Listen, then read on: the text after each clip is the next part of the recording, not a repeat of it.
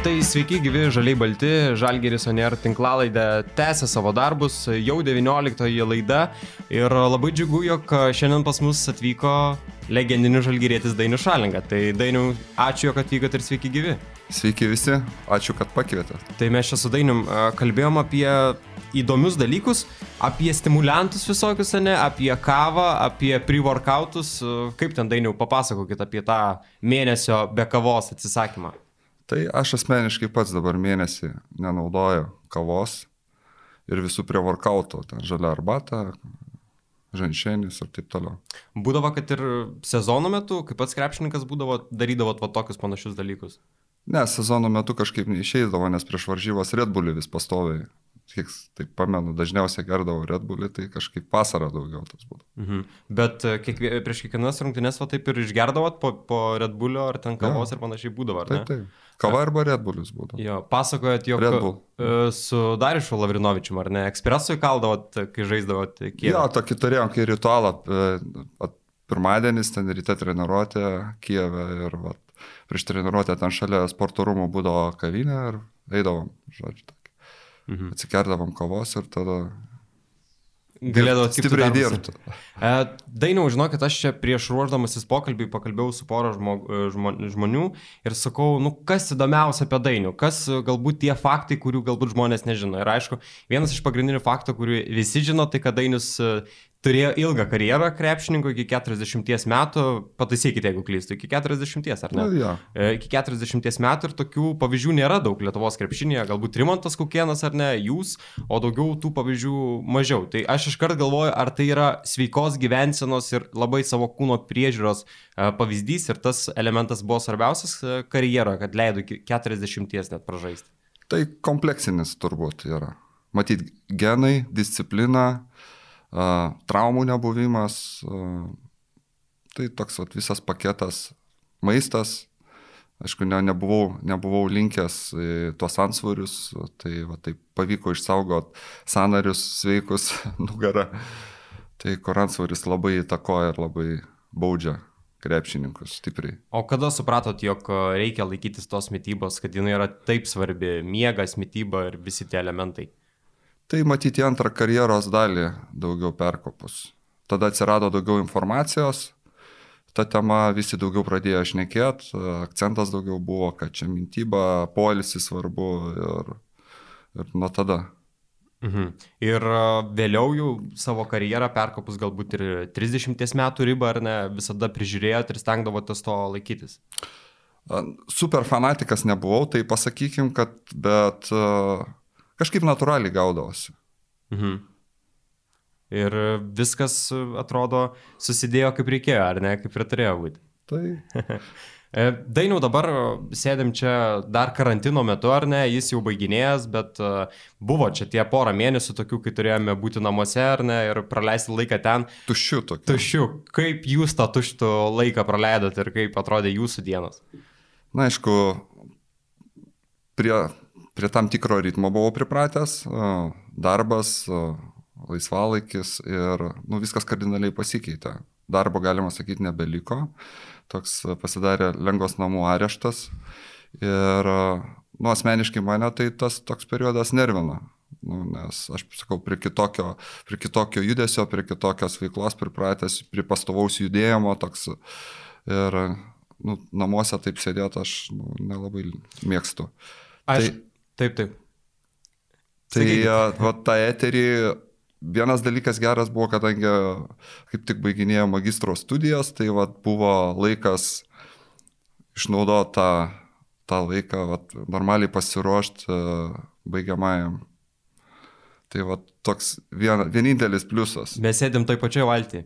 tai nes tam bėgime tokiam tarp visada vis to laiko trūksta, tai kartais emocinių tų jėgų, nes nu, vis kažko svarbiau ir suderint, nu, nėra lengva.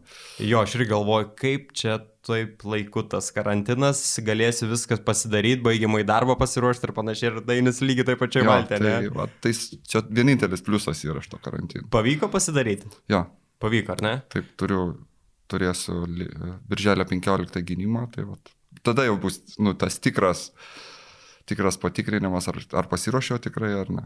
O pačiam e, po krepšininko karjeros e, nebuvo sunku kipti iš karto į mokslus, nes jūs baigęs karjerą studijavote Lietuvos sporto universitete, ar ne? Tai aš dar bežaisdamas, aš 14 metais, 14 metais pradėjau, mhm. nes šiaip karjeros eigoje buvo keli, keli bandymai mokytis ir tam pačiam sporto universitete, ten per 2003 metais, bet prie to ritmo, prie to, prie to krūvio, prie to skraidimo pastovaus kažkaip nepavyko man asmeniškai, nežinau, kitiem kažkaip pavyksta, man asmeniškai nepavyko, kažkaip aš nustūmiau tą visą reikalą. Taip minti ir buvo, kad kažkada ateis laikas, matyt, susibrandins idėją, kuriuose moksluose aš noriu. Ir gal pasiteisinimas čia buvo toksai, kad nustum truputėlį į šalį. Ir vat nuo 2014 metų aš pradėjau, tai pradžiai bakalauro studijos, o po to vat, pratęsiau iš karto iš inercijos dar magistratūrą ir vat, kaip tik užsidarau tą klausimą, šešių metų mokslo.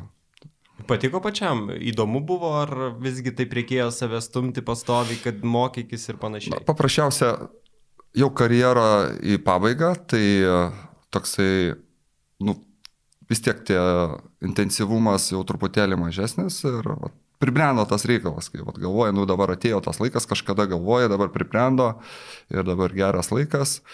Tai šiaip įdomu, nes galiu, tarkim, truputėlį palyginti, kaip mokslai tada vykdavo ir kaip dabar viskas, galiu daug ką surasti virtualiai, virtualų serveriai, daug medžiagos, informaciją surasti, nes pradžiai mokslai, kaip prisimenu, tai reikėdavo Vilniui mažvido biblioteką ten eit ir, žodžiu, šviestis, laukti, nu, ta prasme, kai lygini, tai nu, didelis skirtumas.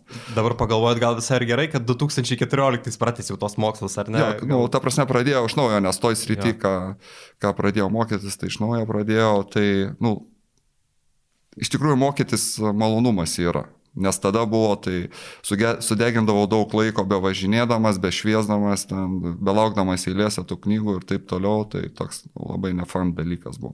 Dabar treniravimo sistemas, ar nebaigėt?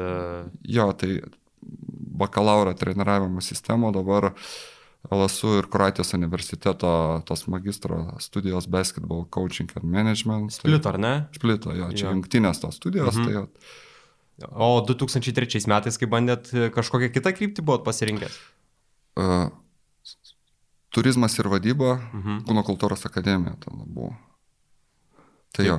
Tai Pavyko va, dabar apsidėlioti mintis, kad visgi labiau, jo, labiau, tren, labiau į krepšinį, ne? nes tada taip nebuvau išsigryninęs e, iš komandos draugų kažkas, e, dabar neatsimenu netgi kas, jie sako, nu, einu, sako, gal nori prisijungti. Aš taip pradžiai buvau už, taip, taip, e, taip pasižiūrėjom, nu, kad tas visai tiko, bet uh, du mėnesiai, aišku, tos studijos buvo nekivaizdinės, bet du mėnesiai čia pirmie tie, ja, numušė man visą upą ir aš sakau, ne, atidėsim ateičiai. Nes, nu, iš tikrųjų, iš tikrųjų porą, porą kartų po Eurolygos varžybų ketvirtadienį, kai sužaidė ketvirtadienį, tai po to atsikeli, uh, toks visas neišsimegojęs, nepalisėjęs, nes užmygęs ketvirtą valandą, aš vėlai užmygdavau po tų varžybų e, ir nu, toks visas nepalisėjęs, nei fiziškai, nei emociškai, nu, per daug buvo tiesiog. Robertas Jeptokas pasakojo, jog po tų rungtynių įvairių,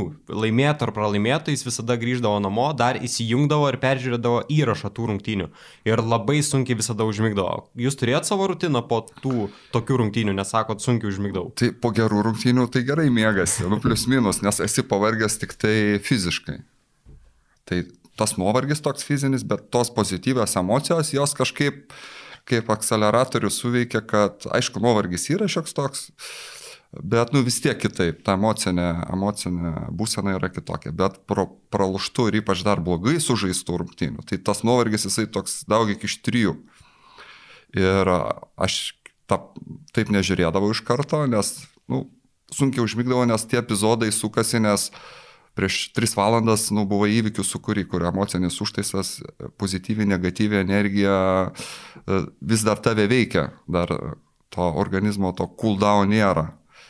Tai Kitą dieną jau taip, kai truputėlį jau viskas atvėsta, tada pasižiūrėt, viskas tvarko, bet taip iš karto, nu, nei gerų, nei blogų aš negalėdavau, nes iš to, iš to epicentro tik tai išėjus, nu, kažkaip per daug būdavo. O tai kokios mintis būdavo, kaltindavot save, kad nepadarėt vienaip ar kitaip, galvodavot, kaip reikėjo padaryti arba kaip kitą kartą padarysit? Jo, tai daugiau būdavo, ką galėjai kiekvienoje situacijoje geriau padaryti, kur nepadarėjai, kodėl čia atrodo tiek nedaug trūko, kodėl čia taip nepasisekė, nes galėjo to situacijai arba į vieną, į kitą pusę, nu tiesiog ne, nedaug trūko ir galėjo viskas kitaip pasakyti. Nu visokių tų minčių, tos mintis nu spontaniškai, e, spontaniškai ateidavo. Tas filmas tarsi, nu, toks mhm. repeat filmas, vis eina, eina, eina, kartojasi viskas. Ir ir nu, pakankamai sunkiai būdavo. O turėdavot žmogų, su kuriuo galbūt pakalbėdavot tokiais atvejais, su kitu krepšininku, ar ten e, turėjot kažkokį žmogų? Ne, tai žmogaus nebuvo. Tai kažkokia diskusija vėliau gal, būdavo kaž, kaž, kažkokiu lygmeniu su treneriu, ten su, su žaidėjais, kažkokia analizė, ką gali, bet daugiau, bet daugiau būdavo ką gali pagerinti to kitoj situacijoje, nes, nu, varžybų eigoje būna tokių nesusipratimų, kur tiesiog išsigrinini situaciją, kad kitą kartą aišku abiem būtų. Tai atsirasdavo tokių situacijų. Sporto psichologija tada nelabai buvo populiari, nežinau kaip dabar tie vedantys klubai ir kaip pats Žalgeris turi žmonės, bet tuo metu, tuo metu taip to akcento tokio nebūdavo. Nebūdavo iš viso tokių žmonių. Sporto, sporto Taip. psichologijos specialisto nebūdavo, bandymai kažkokią atveš žmogų iš šalies, kuris ateina ir taip sako, nu dabar žiūrėkit, aš jums čia papasakosiu, kaip čia vyksta, kaip reikia čia tikėti ir taip toliau. Tai valandos tas paskaita jinai nieko nebedoda, tai a, minimali ta informacija. Viskas dabar nuėjo į priekį ir jau tose komandose sporto psichologas jau nu, kaip svarbus asmo, jau visi supranta klubo struktūrose, kad, kad tas žmogus turi būti. Jo, aš ir dariau sirtų to klausiu lygiai to paties, man labai įdomi tema, ar tais laikais jau seniau būdavo tų žmonių, tai sako kažkokie vat pavieniai, kaip jūs sakot, atsirasdavo, bet, nu, taip nelabai jie ir įsitvirtindavo. Tada sporto psichologas būdavo treneris, vyr treneris. Nu, jisai turėjo. Viskas ant savo viename. pečių neždavo tą daug naštų tenais. Tai vat, vienas sporto psichologas, jisai turėjo būti jau tas vat, asmo, kur, su kuriuo. Bet dažniausiai pavieniai. Mano, kiek aš iš atminties, vienas bandymas buvo iš e, Kūno kultūros akademijos e, pakvietę žmogų, man atrodo, neatsimenu profesoriaus pavardės, jisai maždaug tą struktūrą aiškino psichologijos ir žaidėjo elgesio, bet, nu, daugiau tokie pavieniai. Tos medžiagos labai daug kažkokios, nu, labai giliai ieškant, okei, okay, bet taip, kad vat, lengvai pasimtų, nes, nu ką žaidėjom, lengvai reikia paimti kartais, kad va, jeigu padėt ant stalo, tai dar pasims ir tai neaišku kiek. O taip, jeigu kažkur giliai sukišta, tai nu, visada atsiranda Apie, svarbesnių reikalų. Taip, kas eis po rungtynių dar ieškoti ar ne kažkokios literatūros ir ten skaityti ar ne, ir bandyti save raminti ar panašiai. Taip, informacijos klaida dabar visokių gali prenumeruoti, gali prenumeruoti Instagram'e, Facebook'e ir psichologus, ir atletinio trenerius ir žiūrėti, ką jie daro ir ką geriausi sportininkai daro. Nu, visas klaida informacijos į kitą lygį nuės ir viskas daug lengviau pasiekiama. Tai va čia supaprastėjo, bet komandos nu, irgi susidėlioja taip, kad jau Lietuvoje irgi yra ta pareigybė, bent jau kai kuriuose, tai žaidėjams labai didelis pliusas. O pats, kai žaidėjas būdavot, kurias rungtynės išgyvendavot sunkiau? Tas, kurias galbūt pralimit vienu, dviem taškais, ar tas, kurias 30 taškų? Aš manau, man asmeniškai ir aš galvoju, daug, daugumai žaidėjų yra blogiausia situacija, kai komanda pralošia ir jis dar blogai sužaidžia. Mažiau blogesnė situacija, kai komanda pralošia, o žaidėjas gerai sužaidžia, tai toks vidinis vis tiek. Ai, nu čia mes pralošėm, nu bet čia aš dar vis tiek čia prisidėjau kažkiek. Uh, O aišku, kai netgi kai komanda laimi ir žaidėjas blogai sužaidžia, irgi nėra pats žaidėjai geriausias, nes toks kirminas yra viduje, jisai, ypač jeigu jo rolė yra nu, visose varžybose kitokia, kad jis į tą pergalės piragą kažkur įdeda savo standartinį indėlį. Ir va tose varžybose jisai mažesnis arba minimalus, arba neigiamas. Tada toks vidinis kirminas nu, ir mane, ir aš galvoju visus žaidėjus. Čia taip veikia. Ir tada, nu pats geriausias tai yra, kai ir laimi, ir didelis indėlis. Tai čia va yra, tu, tu, va, toks, tas kraštutinumas, kai blogai sužaidė ir komanda pralošė, tai yra, nu, toksai žaidėjų pats blogiausias. Ir dar priklauso kokio lygio varžybos. Tai čia irgi, nu, varžybų finalai ir eilinės rungtynės, ar ten lygos ir Eurolygos, e, e, nacionalinės lygos e, finalai ir Eurolygos finalai, ar olimpinės žaidynės, nu, skirtingos svorio varžybos ir skirtingos svarbos ir vat, žaidėjai. Matyt, nebent tavo rolė yra rol, tu žaidėjas esi ir tada tu gal kitaip, bet aš kalbu tie žaidėjai, kurie, imkim, 7-8 galbūt žaidėjus, kurie, tarkim, duo, į tą pergalės į pergalę įdeda savo indėlį, kiekvienas nori, apar to, kad komanda laimėtų, jis turi savo ego ir reikalavimus savo, kad e, turi būti tam tikras ir jo indėlis. Nes jei tų dviejų sudėdamųjų nėra, tai tos pilnos laimės ir nėra. Kad ir kaip dainiau čia visi kalba, ar ne, kad nesvarbu, kaip aš sužaidžiu, svarbu, kad komanda laimėtų. Tas, tas yra vis tiek, ar ne? Tas yra, viskas priklauso, tas kažkiek yra, bet tas procentas jis yra saliginis. Aišku, visi nori, kad komanda laimėtų ir, vat kaip aš sakiau, tas emocinis tavo pasitenkinimas, jisai žymiai didesnis yra, kai komanda laimėjo ir tu dar plus sužaidai gerai arba labai gerai. Kai to nėra, kai komanda laimi, o tavo indėlis minimalus, tai ta pergalė jinai nėra antiek saldi. Uh, toks lengvas gydimas kitų, nu, toks, kad, nu, čia, o ką sakyti, nu, tu negali sakyti, kad, nu, aš, ne, aš nesu patenkintas, nes komanda laimėjo, nes iš kūno, šiaip iš kūno kalbos galima žaidėjų nuskaityti. Nu, vat, aš kiek esu matęs, vat, komanda laimi ir tu iš akių žaidėjo rūbiniai matai, nu, tiesiog, kad jo ta emocija yra šiek tiek dirbtinė, nes viduje jisai kunkuliuoja ir pasijausmas yra kitoks, kas jis šimta procentų nėra. Taip yra, gerai, jis patenkintas už komandos draugus, bet, nu...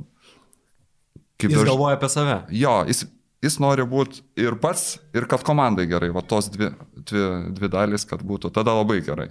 Kai tos tarpinės jau jos tada prasideda toks pilnai nesulaimingas, tai 50-50.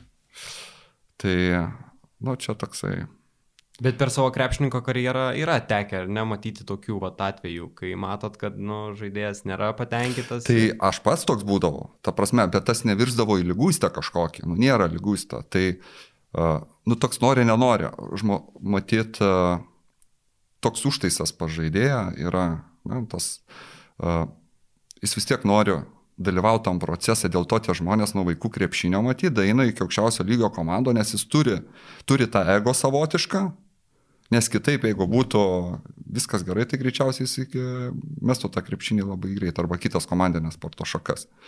Tas jisai, čia toks sudėdamoji dalis, bet to tu negalėjai, tik tą reikia valdyti ir kontroliuoti matyti. Kad, nu, nevirstų kažkokia lyguista, nes, nu, esu matęs žaidėjų, kur, nu, jie labai nepatenkinti, kad komanda laimė, nes jisai blogai, toks destrukcija, prasideda destrukciniai veiksmai tada. Tai jau čia tokia negatyvioji pusė. O dabar dirbdamas treneriu su jaunimu, kalbate apie tai, apie va, šitas e, tiesas, apie šitas temas, kaip tai reikia kontroliuoti, kaip reikia su tuo dirbti ir panašiai. Tai tas bendravimas nuolatinis vyksta ir uh, kalbamės ir matosi. Tas neperago į destrukcijas kažkokias, bet tas matosi. Aš pats jausdavau tą, tok, tokia kartėlė, taip sakykim, čia kartė, du toks kartėlis ir viskas gerai, viskas fan, bet tai nėra ta euforija arba ta, tas lygis, kai tu tame reikale uh, duodi maksimumą tą, tą, tą dieną, tarkim. Tai iš karto matosi žaidėjų iš, iš, iš akių, iš veidų, iš, iš visos kūno kalbos, kad jisai pilnai nėra patenkintas. Turbūt ir pačiam dabar lengviau patarti, kai pats viską tai praėjęs, ar ne, ir žinot, kaip jaučiatės e, po, po rungtynių, kaip yra jaučiamasi. Taip, tai man asmeniškai, tai ir kiekvienos tokios blogos rungtynės jos sumotivuodavo dar labiau dirbti.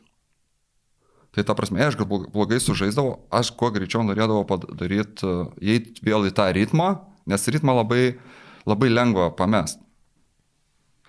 Ta prasme, aš neturėjau asmeniškai tiek talento, kad tarkim ir tiek kažkoks super žmogus, kur visą galvą už visus didė, stipresnis, aukščiau šokį, geriau viską darai ir va taip ateini ir padarai. Bet tiesiog kiekviena tokia nesėkmė tada signalas, kad turi daugiau dirbti. Ir tas atsipirkdavo. Tik laiko klausimas, ar sekančios rungtynės, ar kitas, nes tada tave sumotivuoja dar labiau dirbti. Nes kartais tu pameti tą lyg dirbi, kai viskas gerai, tu lyg dirbi, dirbi, dirbi, bet to šalto dušo kartais trūksta. Ir va, mane taip, tas toks negeras dalykas, jis greitai peraugdavo į tokį e, teigiamą, nes aš tada save versdavau daugiau dirbti ir galiausia sugrįždavau į tą ritmą arba stengdavausi kuo greičiau sugrįžti į tą ritmą. Bet tai ta motivacija gali pasibaigti. Gerai, stengiasi, vienas prastas rungtynės stengiasi, antras prastas rungtynės stengiasi, trečias prastas rungtynės ir tas gali neteiti. Jo, bet čia individualu yra. Čia gali, čia gali tas neteiti, jeigu tarkim, tu dar tik eini į viršų. Ta prasme, bandai išsikovoti savo kažkokias pozicijas, o, e, e, lygių perkritimas yra atėjai iš vienos komandos į stipresnę ir tu dar neužsikabini ir gal tavo kompetencija nėra to lygio ir tada. Bet jeigu jau tu kažką padarai ir po to ateina duobė, nu tarkim, vienos varžybos, vienos varžybos, nu bet kam gali, ta prasme. Dvi, bet ta, tas bloga, blogas, blogas impulsas, jisai gali paveikti ir antras, ir trečias, tai tau jau yra signalas iš karto kad vienos rungtynės, nu, nereikia laukti penkių rungtynių. Nu, kiek, kiek tu lauksi čia, kad to po penkių rungtynių pradės. Tai man asmeniškai būdavo, aš iš to ne, blogo dalyko iš karto paimdavau ir save priversdavau uh, dirbti daug, daugiau. O po tų pergalingų rungtynių, sakykime, ne po čempionatų laimėtų, bet po pergalingų rungtynių, po jums gerai susiklošiusių rungtynių, jūs mėgdavot vienas būti ar norėdavot tą energiją, tą džiaugsmą pasidalinti su kitais? Eiti kažką veikti, daryti? Uh, Visai būdavo, bet tavarsne nebuvo aš ten naktinėjimo kažkoks fanas, nes toks ritmas sezono metu jisai dvi varžybos per savaitę, plus dar kelionė. Dabar Žalgeris turi prabangą skraidyti su lėktuvu čarteriniu, tada mes labai retai, tai čia skersai skraidydavom ir ankstyvi labai skrydžiai, iš karto varžybos baigėsi ten ketvirtą, beveik nemiegojęs arba valandą pamiegojęs nuovargį e, į oro uostą, dar netiesioginis skrydis. Nu, vienos varžybos nieko, bet kai tu turi sezono metu nemažai tokio, tai, nu, tai pakankamai vargina. Tai, tai o, susitinki su kuo, jeigu kažkas ateina varžybos, pavalgai ir tas toksai būdavo pakankamai pasyvus. Nebūdavo ten kažkokio vakarėlio ar dar ką nors. Aš tą, tą režimą prisilaikiau. Mhm. Dainiu pats užsiminėt, jog nebuvot kažkoks išskirtinis ar ne, neturėjot kažkokių e, fantastiškų duomenų, taip pats bent jau sakėt, bet aš galiu sakyti, jog šuolis buvo išskirtinis ir retas tais laikais, ypač Lietuvoje. Tai šuolis galbūt, bet kažkokios fizinės galimybės, kur tau ten minimalių pastangų. Nu, tarkim, nu nežinau, ten labai ilgos rankos, labai didelės plaštakos, ten ūgis 2,10 m, tu esi mobilus ir tokių unikalių, mhm. kur aš sakau unikalių savybių, nu, nebuvo, ta prasme, gal jos buvo uh, per vidurį ir aukštesnės, bet uh, toks kompleksinis darbas, matyt, meilė, vidinė, vidinė ta įstra tam sportui, matyt, kažkur privedė. Aišku, sėkmės dalis, e, nes tose, tas komandas, kur aš ėjau nuo pat karjeros savo pradžios, tai pakankamai sekėsi man. Aš taip dabar uh, taip prisimenu, tai visada man pasisekdavo to, kad aš ateidavau į komandas, kurios tais metais surinkdavo, darydavo tokį atnaujinimą.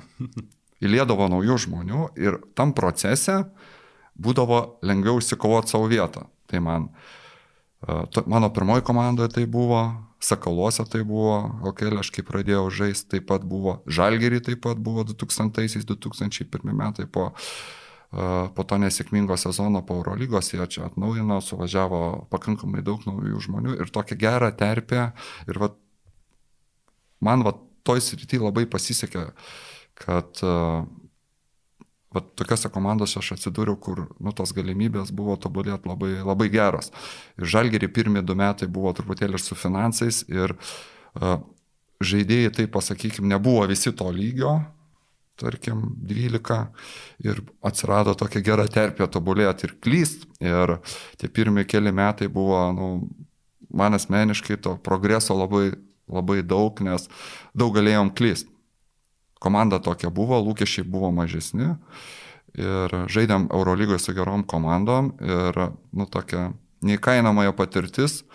Uh, žaisti žaist su tokiam komandom ir, ir tobulėti jaunam žaidėjui tai tobula terpė, ar ne? Taip, Aukštas tamo. lygis ir taip. žaidimo laikas. Ir gali, ir gali klyst, ir gali klyst, ir, ir gali paralošti, ta prasme, svarbu vienas būdavo dirbti ir kovoti. Tai pagrindinis dalykas.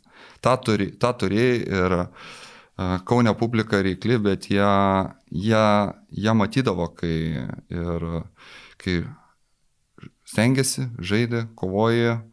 Čia pagrindinis buvo, nes jeigu tu nekovoji, tai nu, visai kitaip į tave žiūrėdavo. O kiek jaunam žaidėjui yra sunku psichologiškai, kai jis žino, kad jeigu suklys, jis bus pasodintas ant soliuko ir daugiau tą dieną aikštelėje nepasirodys. Ta jausmą žinot jūs pats arba įsivaizduojate, kaip galbūt žaidėjams yra sunku, ar tai kažkiek keičia visą situaciją? Tai aišku, kad sunku, bet priklauso, čia jau kiekviena, kiekvienai komandai treneris, ne, užduoda toną ir ko iš žaidėjo nori. Ir kaip žaidėjas kuris ateina į varžybas, tai čia tik vienas aspektas, ne, kur žiūrovai dažniausiai mato, bet yra visas komandos procesas treniruotėse, kur treneris daug informacijos duoda ir daug reikalavimų duoda ir ką daryti duoda. Tai tas pasitikėjimas ir ateina iš trenerio, iš žaidėjo.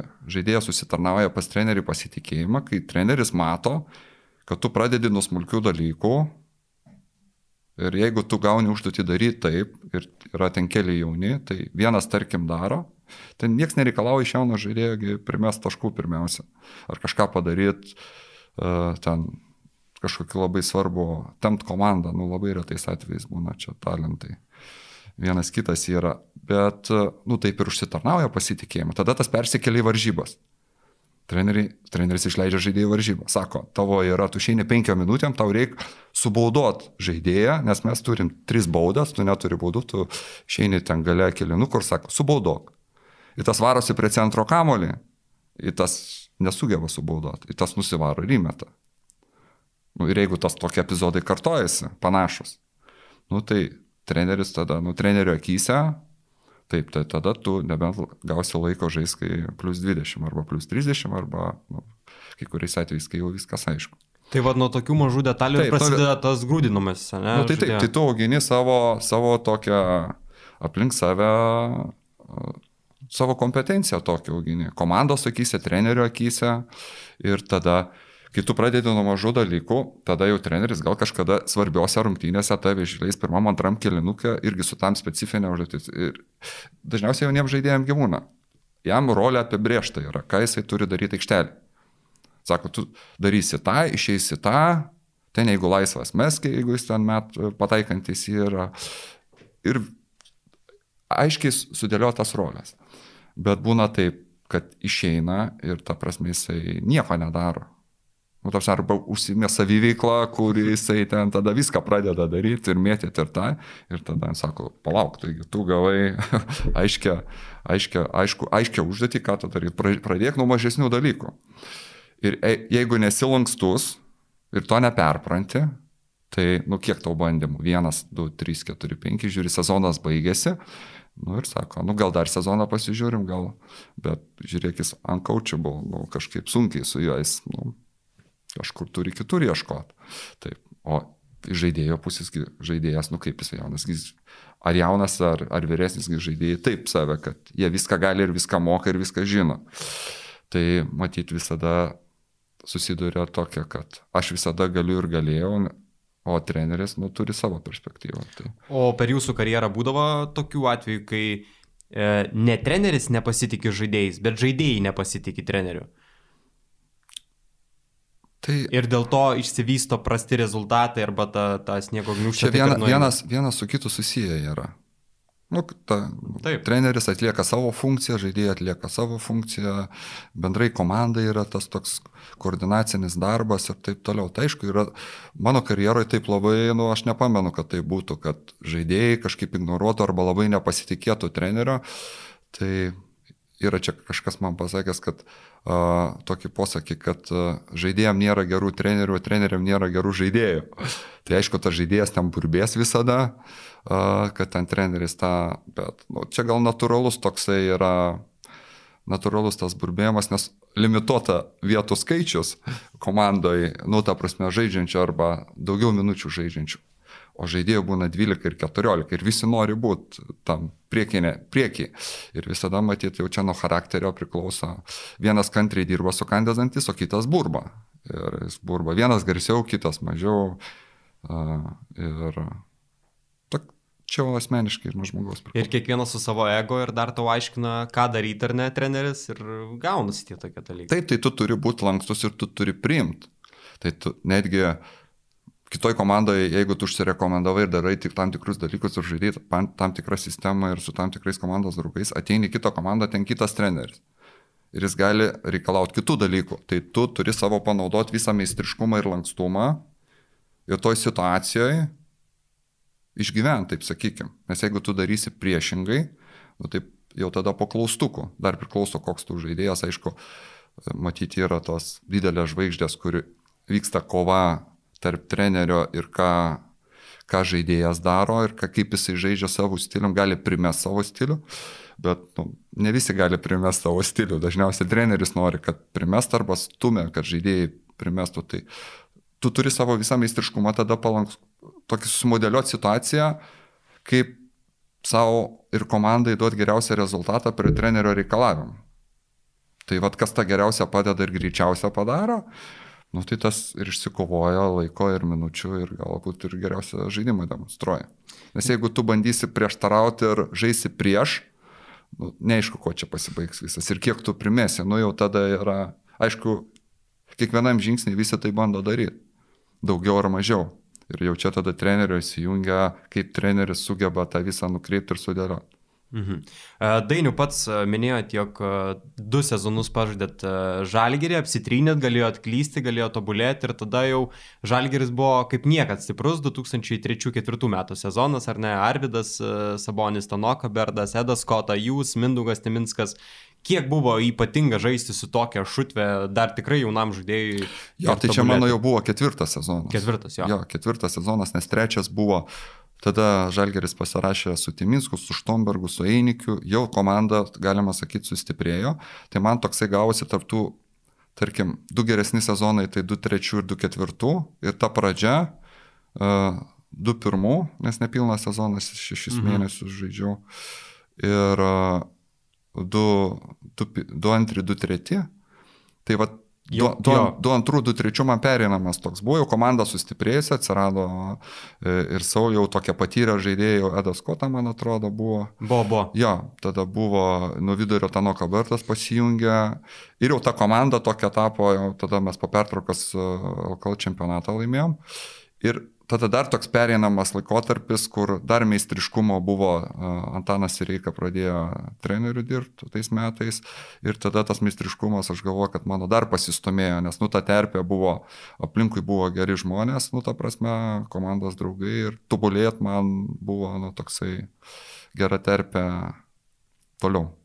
Kokia patirtis buvo dirbti vat, su tokiais žaidėjais? Arvidas Sabonis, Mindaugas Timinskas, Tanoka Berdas, Edas Kota, visus, kuriuos vardinom. Kiek buvo įspūdinga ir kokias pamokas galbūt išmokot?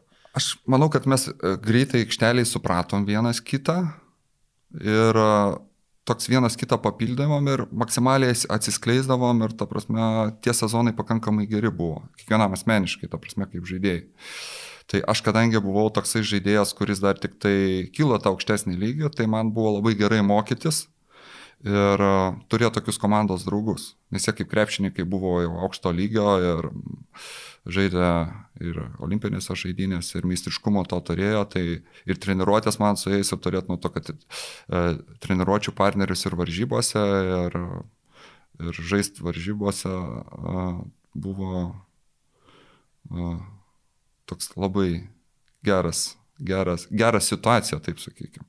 Visai nesenai Žalgeris YouTube kanale buvo galima pamatyti jūsų dėjimus po Edo Kotos perdavimų. Pats matėt e, nuo lentos, prisiminėt prieš Unikaką, ar ne? Jo.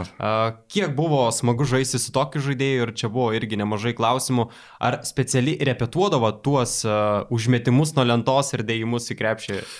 Ne, tose rungtynėse Edas kažkaip spontaniškai viską sugalvoja ir svarbiausia, du kartus jis ten sugalvoja per trump, trump, jo, trumpą, trumpą periodą. Jo. Jis jausdavo, ta prasme, turėjo gerą pojūtį, kai išnaudot komandos draugus. Tai va, jo ta savybė buvo labai gera ir pakankamai aš kaip aš e, žaidėjas gerai bėgdavau į greitą polimą, tai va, jo aštrus perdavimai, jisai tą e, timingą vadinamą ir nu, ma- matydavo, nes dažnai man, man jo perdavimai pasiekdavo mane kažkaip gerai išnaudodavo greitam polime. Bet jūs net ir po tokių dėjimų išlikdavot gana ramus šiaip, nes dažniausiai žaidėjai po tokių dėjimų pradeda sklaidytis, šaukti, rėkti ir panašiai, bet jūs save tramdydavot ar tiesiog jūs... Tokia natūra būdavo visokių epizodų, čia gal toks buvo ir santūresnis, buvo ir, uh, ir gal labiau emocionalesnių, bet, uh, bet uh, šitam epizode, nu, nebuvau tas, už kur šokdavo kaip futbole ar krepšinį, ten pusę šokio sušoka, kažkokį sėkmingą veiksmą atlikę, tai nes padarius veiksmą, nu, kitas veiksmas tada prasideda, reikia bėgti gynybą, tai labai ta reakcija tokia trumpalaikė. O kad, kada supratot, jog galit šitaip dėlioti, nu, nes dėjimai įspūdingi dar tais laikais, tai iš viso būdavo kažkas nerealaus. Tai galimybės leidavo, aš kažkaip pas mane buvo, būdavo toksai noras visada kažkokio tokioj situacijoje besiveržiant dėti krepšį. Nežinau, su kuo tai susiformavę, šešis metus aš lankiau rankinį, tai gal tas nebijojamas eiti kontaktą toks ir išliko, kad daug nesėkmingų dėjimų buvo, tai daug tų epizodų, ten į varžybas gaudavosi po vieną, dvi, du tokie epizodai, kur ten įsibėgėjai ir šoki per žmonės ir ten ir į lanką, ir neperšoki, ir atsitrenki ten kažkur ore, bet nu visada toks, kai pamatydavo situaciją, kad uh, galima, tai tada, jeigu ir situacija būdavo 30 ant 70, kad nepavyks, bet nu vis tiek tas toksai noras būdavo begalinis, kad bėgti ir kraut per žmonės, uh, nesvarbu, kad sakau, ten būdavo daug epizodų, kai ir į lanką, ir, ir per petį ten versdavosi, nu, tiesiog šolio rezervo neužtekdavo. Ir kas svarbiausia, kad net ir po krepšių būnant iš statinės padėties lygiai taip pat darydavot, nes daugelis žaidėjai tiesiog mestų iš po krepšio ar ne, o jūs vis tiek iš statinės padėties šokdavot ir bandydavot Nu, dėti. Aš e, turiu ten toj savo video kolekcijoje, ten tos dienos, nu, labai jie tokie silpni. Dabar Silpni dėjimai? Jo, ne, ta prasme, tie iš po krepšio, kur Ai, gauni tokią, nu, tokie jie. Tokie pirštų galiukais tenais, e, kai dabartiniai tie dėjimai nuėję taip į tolį viskas, tai labai skurdžiai atrodo. Kaip Iš, man... eig- iš eigos, iš eigos dar kažkiek uh, jo dinamiškiau, bet tie iš vietos tai tokia pagal šių dienų realijas. Tai Bet dabar, pavyzdžiui, Eurolygoje labai retai arba niekada neišvysi tokių dėjimų nuo lentos ir panašiai, nu, niekada. Tai toks, matyt, vienas rytesnių epizodų buvo. Mhm. Pats minėjot, jog rankinį žaidėt, ar ne, Barenai ir, kiek žinau, gana vėlai krepšinį pradėjot, ar ne, lankyti? Jo, tai krepšinis prasidėjo 18 metų, kai pasibaigė, nu, moky, užbaigiant mokyklą. Labai vėlai. Jo, tai iki tol, iki tol buvo rankinis, tiesiog galimybių nebuvo, nes koncentracija, akcentas buvo į rankinį, kadangi nu, rajonas taip yra, jau Lietuvoje pasiskirstė, kad kažkur rankinis, kažkur žolės vieduris yra kai kurie rajonai krepšinio, šilutė, tam biržai, a, rankinis variena pasvalys ten būdavo ir taip jau. a, Ir kažkoks kirminas visada, kad ta krepšinė, nes nu, kažkaip ta meilė krepšiniai kažkur iš kažkur atsirado, žiūrint nuo tų senų laikų žalgerį, ten uh, retais atvejais ten MBA, ten uh, uh, Ir kažkur va taip tas kirminas, kad va būtent krepšinis. Ir visada kieme, mokykloje, kažkada, nors jau vėliau besportuojant, a, nuo 12 metų rankinį, bet nu, tas tik laisvas laikas ir iš karto tas krepšinis. Nu, tas, bet nu, tas krepšinis nubėgė iškam lygiai. Ir va taip tų bandymų buvo ten 15 metų, nes duomenys neblogi buvo, bet kadangi Lietuva šiandien nepriklausomybė, tai uh, tos sporto mokyklos, internatus čia viską uždarė, nes nu, nepriklausomybės pradžia pinigų nėra ir viską taip nukėlė, nu ir vėl rankinį pratęsiau ir tada tik tai atsirado galimybė, e, baigiant jau tada mokyklą, kad čia pavyko susiderinti. Ir atsimenu labai gerai tą trajautą, kai, nu, čia pakvietė, e, pavyko per mokytojo grupiokus surast komandą e, Vilniui ir, nu, sako, yra čia vaikinukas toks neblogas, sako, gal pasižiūrėtum, tas mano mokytas grupiokui, kuris tuo metu toj komandai buvo ten asistentas, sako, gerai, sako, ja, renkam, atnaujinam komandą, tegul atvažiuoja tą trajautą, pasižiūrėsim kažkaip. Nu tai ką, atvažiuoja rankininkai. Ten kiti suėję, ten iš sporto mokyklų kažkas daugiau mažai, mažiau žaidė, nu, jau tokie krepšininkus panašus. Aš tai toks, nu, savamokslis. Ir toks pradėjom žaisti, jie ten 5 prieš 5 nuržai. Nu, tai aš įsivaizduoju, kaip ten atrodžiau visą, bet matyt vienas epizodas toks buvo greita ataka ir man padavė kamuolį ir aš ten, kai atsispyriau, kai piliau iš viršaus ir tas treneris sako, o, sako, Žiūrėk, sako, nu, bet davai mes jį pasimam čia. Sako, žiūrėk, bėga gerai, šoka taip, sako, nu, nu krepšininkas nelabai, bet sako, čia pasitreniruos, pasižiūrės. Nu ir taip aš po truputį, po truputį pradėjom nuo tos uh, regioninės lygos, tada kitaip vadinasi. Ir aš taip po truputį, po truputį, labai greitai. Ir uh, jau man po kokiu trijų mėnesių pavyko ten tapti komandos lyderiu tarp to visoji. Nu, aš labai mokiausi greitai, visas praėjo taip ir tas progresas, taip metai, po to po poros metų nacionaliniai, NKL e ir po to dar po metų jau Rutenis Paulauskas tada buvo, vadas tokia komanda buvo, jie laimėjo NKL čempionatą ir jisai, nu, kadangi Vilniuje tos dvi komandos buvo, jisai mane sako, tu ateik į vadą. Mhm. Mes jau susitarėm čia. Ir vidury vasaros pasirodo, sakalai sugalvojo su vado susijungti. Ir aš taip atėjau į vadą ir automatiškai atsidūriau sakaluose. Nu, nes vado komanda pasimė iš sakalų ten penkis žaidėjus ir padarė tokį darinį, sako, nu, vat, ir, ir su treneriu Sakalausku ir va taip prasidėjo mano tie pirmie žingsniai LKL. Bet tai klausykit, viskas skamba kaip iš e, filmo. Dabar pasakytų, kas nors 18 metų žaidėjas už ten trijų sezonų keturių žais Eurolygoje, kuris nežaidęs iki tol krepšinį iš ne, tai ne Eurolygoje, tai buvo man jau Eurolygos dar aš nu, trys metai žemutinėse lygose, po to dar prireikė dviejų metų, sakau. Tai po penkių. penkių, penkių metų. Nuo 18 metų dar nežaidus krepšinio, sakykime, nesitreniravus, ar ne? Tai labai greitai. Labai greitai. Nu, progresas. Bet reikėjo... Gal ir greičiau būna, nežinau, čia tų istorijų kitų. Nes dabar e, vaikai pradeda nuo pat ten pirmų klasių lankyti, ar ne, krepšinį. Tai jeigu... Tai aš manau, kad yra unikalių istorijų, kai fiziškai apdovanoti ir talentingi nu, sportiniuose žaidimuose matyt e, dideli gal žmonės arba ten atletiškai apdovanoti, jie gal dar greičiau ateina. Tai gal ir 16 ir 17 metų, jeigu ten centrai kokie yra, nu jie dideli yra toj pozicijoje, gal tas uh, adaptacija ir virsmas į krepšinį gal dar greičiau, bet mano ta pozicija tokia yra, kad ir mesti krepšį ir prasiveršti, nu, ta, tokia, toks ūgis mano, aš ne centro, ne vidurio polės.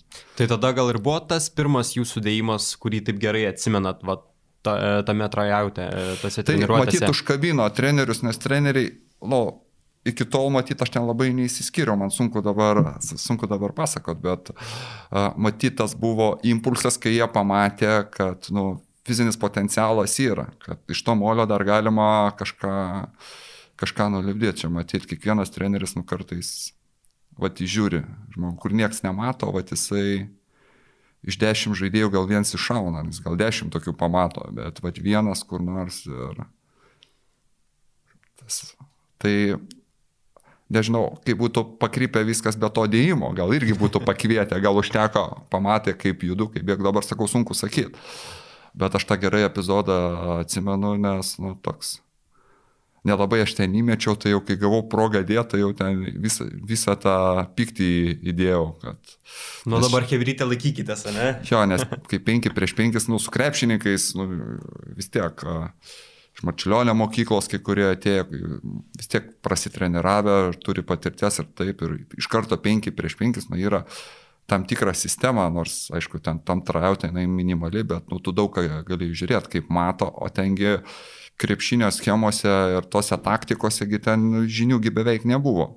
Tai bet kurįgi paimkite dabar į Sabonio sporto e, mokyklą atveskit 17 metį iš kokio, kur kiemė mėtė ir įmeskit tarptų ir jūs pamatysit, koks perkritimas yra mąstyme, judesiuose, nu visur. Jis gali būti ir fiziškai toks e, atletiškas, bet kaip orientuojasi aikštelėje. Bet nu, matyti, treneriai žiūrėjo, dabar sunku pasakyti. Jo, aš apie tą patį ir kalbu, kad nu, labai viskas greitai atrodo žmogus, kuris e, nesitreniravęs taip, kaip treniravosi tie visi ar ne bendramžiai. Jo, bet kiti treniruojasi nuo pirmų metų ir 18 metų ir sako, ar dar anksčiau sako, aš jau baigiu. Čia matyti toks kompleksinis dalykas, nes Taip. išaukti iki aukščiausio lygio krepšininko, nu, tarkim, bent jau žaisti Lietuvos krepšinio lygoje, taip sakykim, nu, tu turi turėti tam, tikrus, tam tikras kompetencijas - fizinės, psichologinės ir taip toliau. Jeigu nori eiti aukščiau, dar, dar tas didesnės turėti e, visus kompetencijas. Jeigu nori važiuoti į MBA, dar didesnės, tai va taip. Matyt, jeigu tu tų kompetencijų neturi, neturi ant ko važiuoti, tai tau nėra kas veikti, nes tavo kolegos yra geresni. E, Dainiau, sugrįžkime ta, e, tuos 2003-2004 metus į tą sezoną Kauno Žalgerio komandos ir viskas atrodė tikrai e, gerai klostus ir tas nelemtas pralaimėjimas Tel Avivo Makabėje, ar ne, komandai. Ir daug žinom, kaip žaidėjai galbūt ir kaip Rūbinės atrodo po skambių pergalių, po smagių pralaimėjimų, bet kaip atrodo Rūbinė ir kaip atrodo viskas iš vidaus, kai yra tokie pralaimėjimai skaudus. Tik yra skaudus pralaimėjimai, tai dažniausiai būna du variantai, dažniausiai variantai. Pralaimi rungtynės, tai arba kaltina vienas kitą, tu to nepadarėjai, tu to, arba sėdi visą galvas nuleidęs, nes tuo metu nėra ką pasakyti, ta prasme reikia kažkiek laiko, kad praeitų, ta analizė vėliau ateina. Tai ten jau nėra ką sakyti, tai jau mes to Eurolygoj pasibaigė tom rungtynėm sezonas. Tai treneriai ten analizę nu, ką tu gali pasakyti žaidėjams, nu, tu gali tik tai susimušti turbūt arba kaltinti vieną, vienas kitą, tu to nepadarai, tu to. Bet dažniausia būna tyla tokiais momentais. Aš jau sunkiai prisimenu, kažkas kažką ten sakė, Arvidas, bet kad važiuojam toliau ir tą kažką darom, bet muštinių nebuvo, priekaištų didelių ten nebuvo, o treneriai darė savo analizę, gaila to praleisto šanso, ten klydo daug žaidėjų tam epizode. Aišku, kaip visada, liaudė susirado vieną, kur nutarkuot, buvo ten daugiau kaltų ir gal netgi labiau, bet susirado tą vieną, kur atrodė, kur didžiausia nemailė buvo ir tą pradėjo skalbti. O visiems mintise galbūt e, buvo tie momentai, ką jie padarė blogai ar ne, arba kiti žaidėjai, ką padarė blogai tuo momentu, kai pralaimėjot. Kas jūsų mintise dėjosi tą akimirką? Galvojat, kas ką suklydo, ką pats suklydau, ką reikės dabar daryti, kai praleidom šansą, kas dėjosi, ar nepamenat? Po rungtynių. Jo. Tai po rungtynių dabar sunku, nusivylimas aišku buvo didelis, tai ten laimėtos rungtynės buvo. Ir tokia nusutapimas tokio įvykių, kad tokia grandinė, taip sakykime, nu, kad jau ten nieko ne, nu, didelis nusivylimas buvo ir jau neatsimenu tikrai, toks šansas paleistas, nu, po didesnės pertraukos patekti į finalinį ketvirtą, aišku, gaila buvo. O pavyko užmigti po to, tą naktį? Sunkiai, aš, pro, kaip, saky, kaip minėjau, po pralaimėtų rungtynių, nu, taip sunkiai man eidavosi užmigti. Ir uh, čia buvo neišimtis, čia dar skaudesnis, aišku, buvo. Uh, per tą karjerą Žalgiryje nebuvo ne vien tokių uh, žaidėjų kaip Arvidas Sabonis, Mindaugas Timinskas ar Edas Kota, buvo ir daugiau įdomių legionierių. Uh, Ratko Varda buvo Markusas Braunas, Dežanas Kolinsas, čia pasirašiau ir Lorinas Woodsas, ir uh, Tais Lobsonas, ir Ryvsas Nelsonas daugelio apkalbėtas. E, kurį jūs atsimenat kaip spalvingiausią asmenybę iš tų visų įdomių legionierių? A, matot, tie legionieriai buvo savo, kai kurie savotiški, nu, savotiškai mhm. įdomus. Mhm. Nu, tada klubo valdžia būdavo liberalesnė, ten ir gal objektyvos priežastys, gal ir su žalgeriu sulkesni laikai buvo, davo, jie, kai, koma, kai žaidėjai žaisdavo, rezultatą duodavo ir gal uh, klubo valdžia liberaliau į visus jos, jų tos bairių žiūrėdavo, uh, situacija dabar pasikeitus truputėlį yra, jau čia dabar nelabai mes matom tų tokių, tokių įdomių žaidėjų, jie kitaip įdomus kaip asmenybės, tarkim, bet jau savotiškai, aš turiu minį, savotiškai įdomesnių kabutėse mažiau matom. Tai nu, pagrindinis dalykas vis tiek būdavo aikšteliai, kaip treniruojasi ir kaip, kaip tau su juo komfortiška ir kaip, jis, kaip, kaip tu eini į aikštelę ir kaip žaidži, kaip jisai kovoja ir kaip pavyksta tą suderinti ego asmeninės statistikos ir pergalių, tą balansą, kad surastų, kai žaidėjas šiaip įdomus ir keistas, tai jam gali dar atleisti, kai aikštelė jisai kompensuoja. Bet kai įdomus ir fainas ir per treniruotės ir per aikštelės tau iš jo nieko, tu iš jo nieko negauni, nes aš manau, kad tu vis tiek aikštelėje būdamas iš kiekvieno komandos draugų kažką gauni. Tu duodi, bet ir gauni. Tai kai tu duodi, duodi arba ir nebegauni, arba jisai tau nenori duoti, tai tada iš karto toksai viduje, nu, toks užeina piktis, kad nu, jis kažkaip nelabai to nori šalia. Mhm. E, pasakoja čia ir Mantas Kalnietis dabar visai nesenai, kad Ryfsas Nelsonas e, daugelio apkalbėtas sako, ateidavo kaip killeris, bijodom ten visi jo. Pamenat tą veikėją? Jo, tai e, komandose labai greitai epitėtą kokį arba, nu, užkabindavo tą, koks kuris yra ir ten. Uh, tai jo, su Ryfsu atsimenu. Uh, kad e, sklandė ten, nežinau kiek tiesos buvo, kad universitete jisai buvo, turėjo kažkokį įvykį, kad buvo ten kažką bendrabutį išmetęs iš pro langą, kad e, turėjo ten tų konfliktų su komandos draugais ir čia jo tokia situacija. Jis atvažiavo turbūt, kiek aš pamenu, nes tais metais aš pats buvau, kad toj situacijoje nelabai jo ir reikėjo. Ten turbūt buvo Romanovo ir agentų kažkokia noras ir įkomponuoti jam treneriui ir surast laiko, nu, nes komanda pagal žaidėjas buvo nu, sukomplektuota tikrai žaidžiantys žaidėjai. Ir kadangi jam nebeliko vietos, jis čia matyt jautėsi nelaimingas, nes galvoja buvo geres, geresnis ten už uh, tuos ketvirtus numerius, čia tuo metu, kur žaidė mūsų.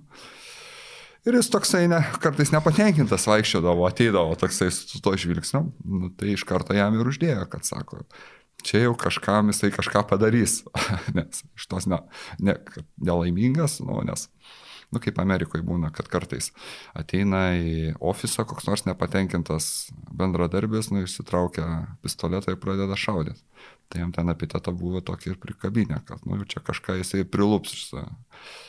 O kuris jums žaidėjas galbūt įsiminęs yra labiausiai, nebūtinai iš blogosios pusės, bet šiaip, kad spalvingas, įdomus, e, kitoks, e, su savais principais. Pasako ir Jonas Mačiulis, kad e, Larija jūsų berots kefyrą mėgdavo gerti su alkoholiniais gėrimais ir, ir, ir panašiai.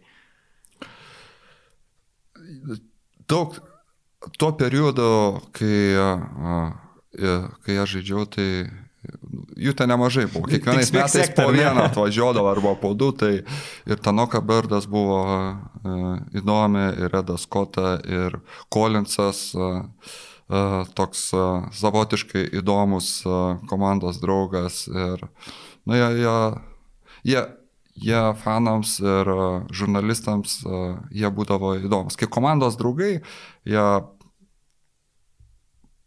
čia, čia kur daugiausiai įsiminė Lietuvoje mano, mano laikų žaidžiant. Tai e, aš su jais problemų neturėjau ir aikšteliai e, irgi taip pat problemų nebuvo. Buvo čia vienas kitas atvažiuoja, aš net dabar neprisimenu nei pavardžių, čia į trajautus važiuodavo ir po kai kurie po kelis mėnesius užsibūdavo. Tai aš apie tuos nekalbu, bet čia kur ilgiau užsiliko ilgiau laiko a, prabuvo, tai nu, turėdavo jie charizmos turėjo ir, ir fanam patikdavo, ir, ir Popovičius, ir Braunas, ir, ir Tanoka, ir Edas, bet matyt, apart to užklasinės veiklos, kabutėse jų visos ir tos charizmos, jie mylėjo krepšinį, žaidė už šitą komandą, atidavė visas jėgas, kai žaisdavo ir matyt, taip išsikovojo, taip išsikovojo tą meilę aplinkui čia visų. Aš kaip suprantu, jūs pats labiau kreipdavo dėmesį tai, kas dedasi aikštelėje, o tai, kas už aikštelės ribų, kokie jie kaip žmonės, galbūt netaip, netaip stipriai kreipdavo dėmesį, Aš, ar ne? ta prasme, būdavo atvažiuoja, atvažiuoja kai kurie, jie ten mažai bendrauja. Ta prasme, į kontaktą neina tokia žmogaus natūra. Ta prasme, mes lietuviai čia, jisai turi daryti žingsnius. Ta prasme, mes turim, turim su kuo bendrauti. Nes mūsų čia daugiau, mes, jeigu jisai pats neina į kontaktą, tu jį ten pakalbini, pakalbini, bet jeigu matai, kad už rankos įreik tampyti ir būti auklė, tai čia tas niekas nedarys. Lygiai taip pat kaip aš pats užsienį žaidžiau, tai tu, tu turi ieškoti kontakto. Nes tavęs už rankos ten, nu, pa- pabando pasiūlo, bet jeigu tu ten kažkur ne, nerodysi iniciatyvos, nu, tai vienas ir būsi. Eik ir Vilniopą, ne? Nu tai taip, tai tave pabando pasiūlo, visi draugiški priima, taip, bet jeigu tu pats toksai laikaisi atstumą ir aš čia gal vienas geriau pabūsiu, arba iš čia man nepatinka, nu, tai vienas ir būsi. Gal dviesi kai kurie susiranda, du tokius bendraminčius. Uh, tai jie, va, ap tie minėti čia, tai jie taip lengvai įdavo kontaktą ir... Bendraudavo, ar ne? Jo, bendraujantis buvo. Tai kai bendrauja ir jeigu kai kurie buvo ne vienus metus, tai tu vis tiek susibendrauji.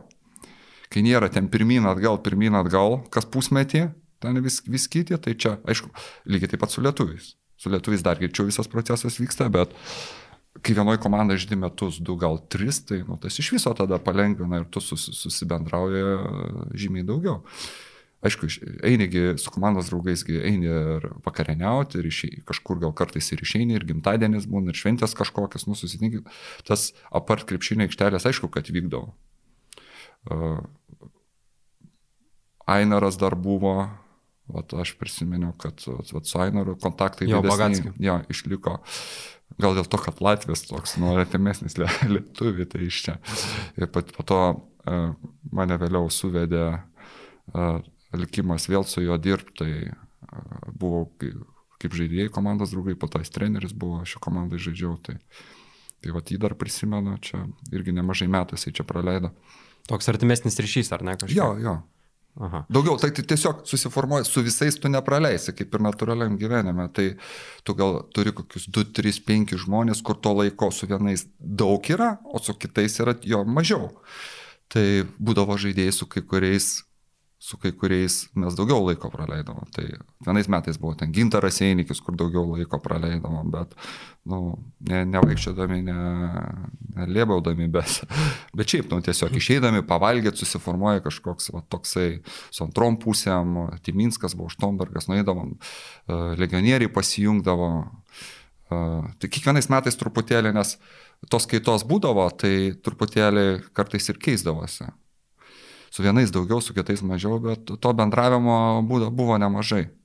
Ir čia Žalgeris, e, aš su pertraukom praleidau čia beveik 10 metų ir iš anksčiau kiek girdėjau ir pamanęs ir dabar, tai jie pakankamai tokia e, bendraujanti yra komanda, kur bendrai visi, visi apart krepšinio aikšteliai daug laiko leidžia.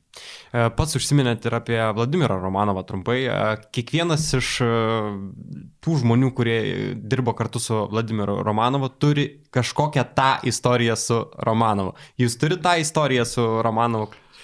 Aš turiu istoriją, kur jinai nėra pasakota ir, nu, tų istorijų matyti vienas ne po vieną ten turi, tokių daug, bet kiekvienas turi tokią įdomesnę vis istoriją.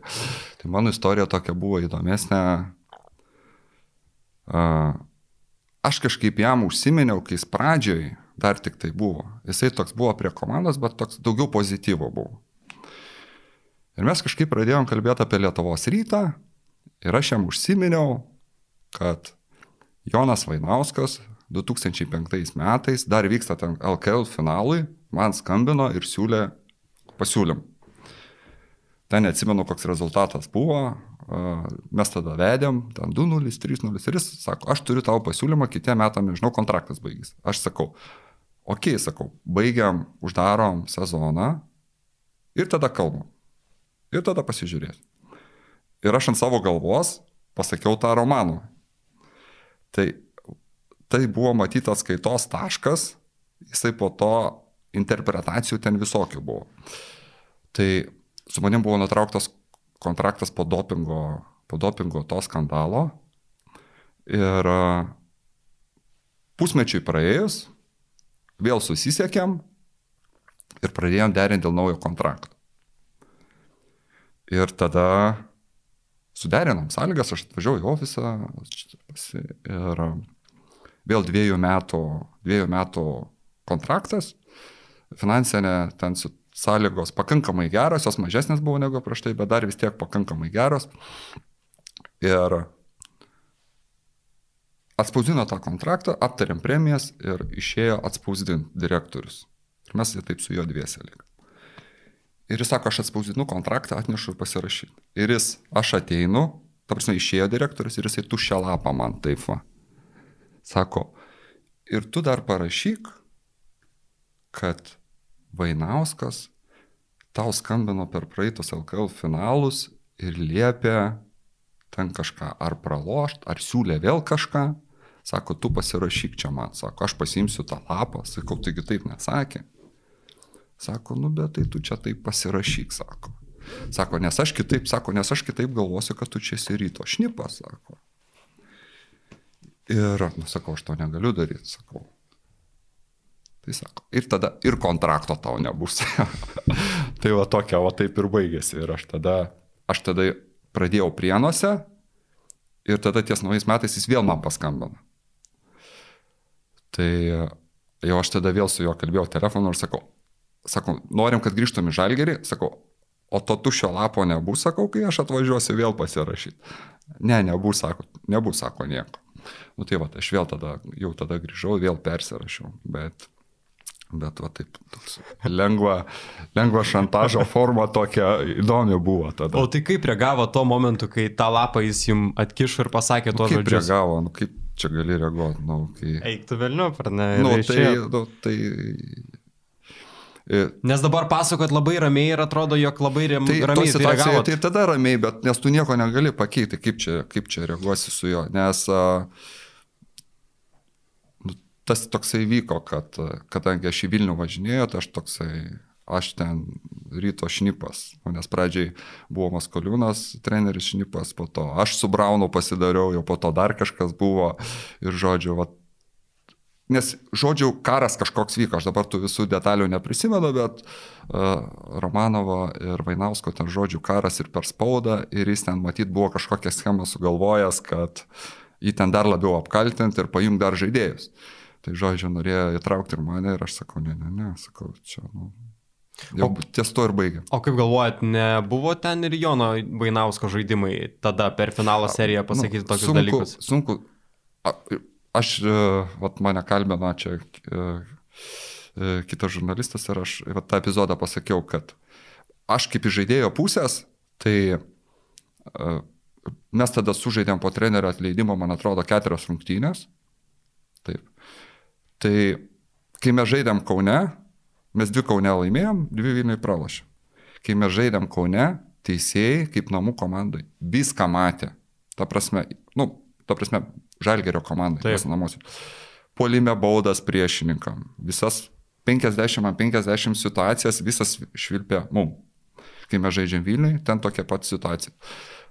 Tu vis tiek kaip krepšininkas jauti, kaip šveiti, teisėjai švilpia, nes jie klysta kaip ir žaidėjai klysta, ir tik tai tas procentas toks, kai saikingas būna to, to klydimo, tai tada, nu, tas yra pakenčiama arba uh, nemato visi aplinkui. Nu, taip nebūna, kad keturias rungtynės taip idealiai išvilptų namų komandų. Matyt, kažkoks buvo, nu, čia mano kaip žaidėjo nuomonė, aš ten tų visų užkulisinių žaidimų nežinau, aš irgi galiu klysti, bet man toks vaizdas, kad ten kažkokios uh, uh, vaikščiojo virtualioje erdvėje kažkokie apsižodžiavimai, o kaip ten buvo iš tikro, sunku pasakyti. Čia, nu, čia tik samokslo, tokia lengva samokslo teorija. Bet Bet žinokit, ne pirmą kartą girdžiu šitą teoriją iš kitų žaidėjų. Nes pradėjo, nes pradėjo kalbėti dar finalo serijai, sakė, kad bus septynios rungtynės. Nu, daug kas kalbėjo. Mhm. Ta prasme, žmonės kalbėjo, man dėl straipsnių krepšinio portaluose nežinau, bet krepšinio bendruomenė jau pradėjo kalbėti, nes e, tais metais buvo dvi vietos Eurolygai. Šalgeris kaip ir turėjo garantiją, Ir tada antra komanda Lietuvoje LKL čempionas. Ir tų spekulacijų jau prasidėjo, kad va, bus tikrai septynios rungtynės, čia viskas surežisuota, čia viskas taip. Ir mes toliau, kai pradėjome žaisti, nu čia tą trenerį nuėmė, nu, tas visas uh, tos destrukcijos įnešimas, nu kažkaip keistai atrodė. Ir tada sakau, va toks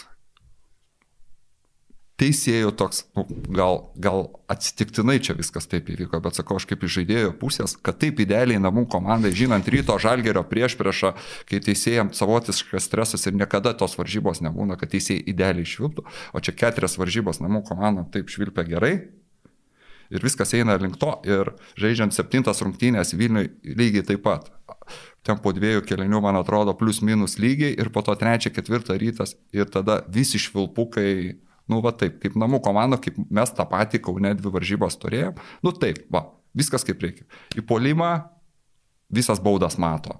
Ten yra bauda 50-50 švilpė. Taip, nu, namų komanda idealiai teisėjai taip pat, sakykim, švilpė. Tai, nu, čia vien tokia samokslo teorija yra. Tai mhm.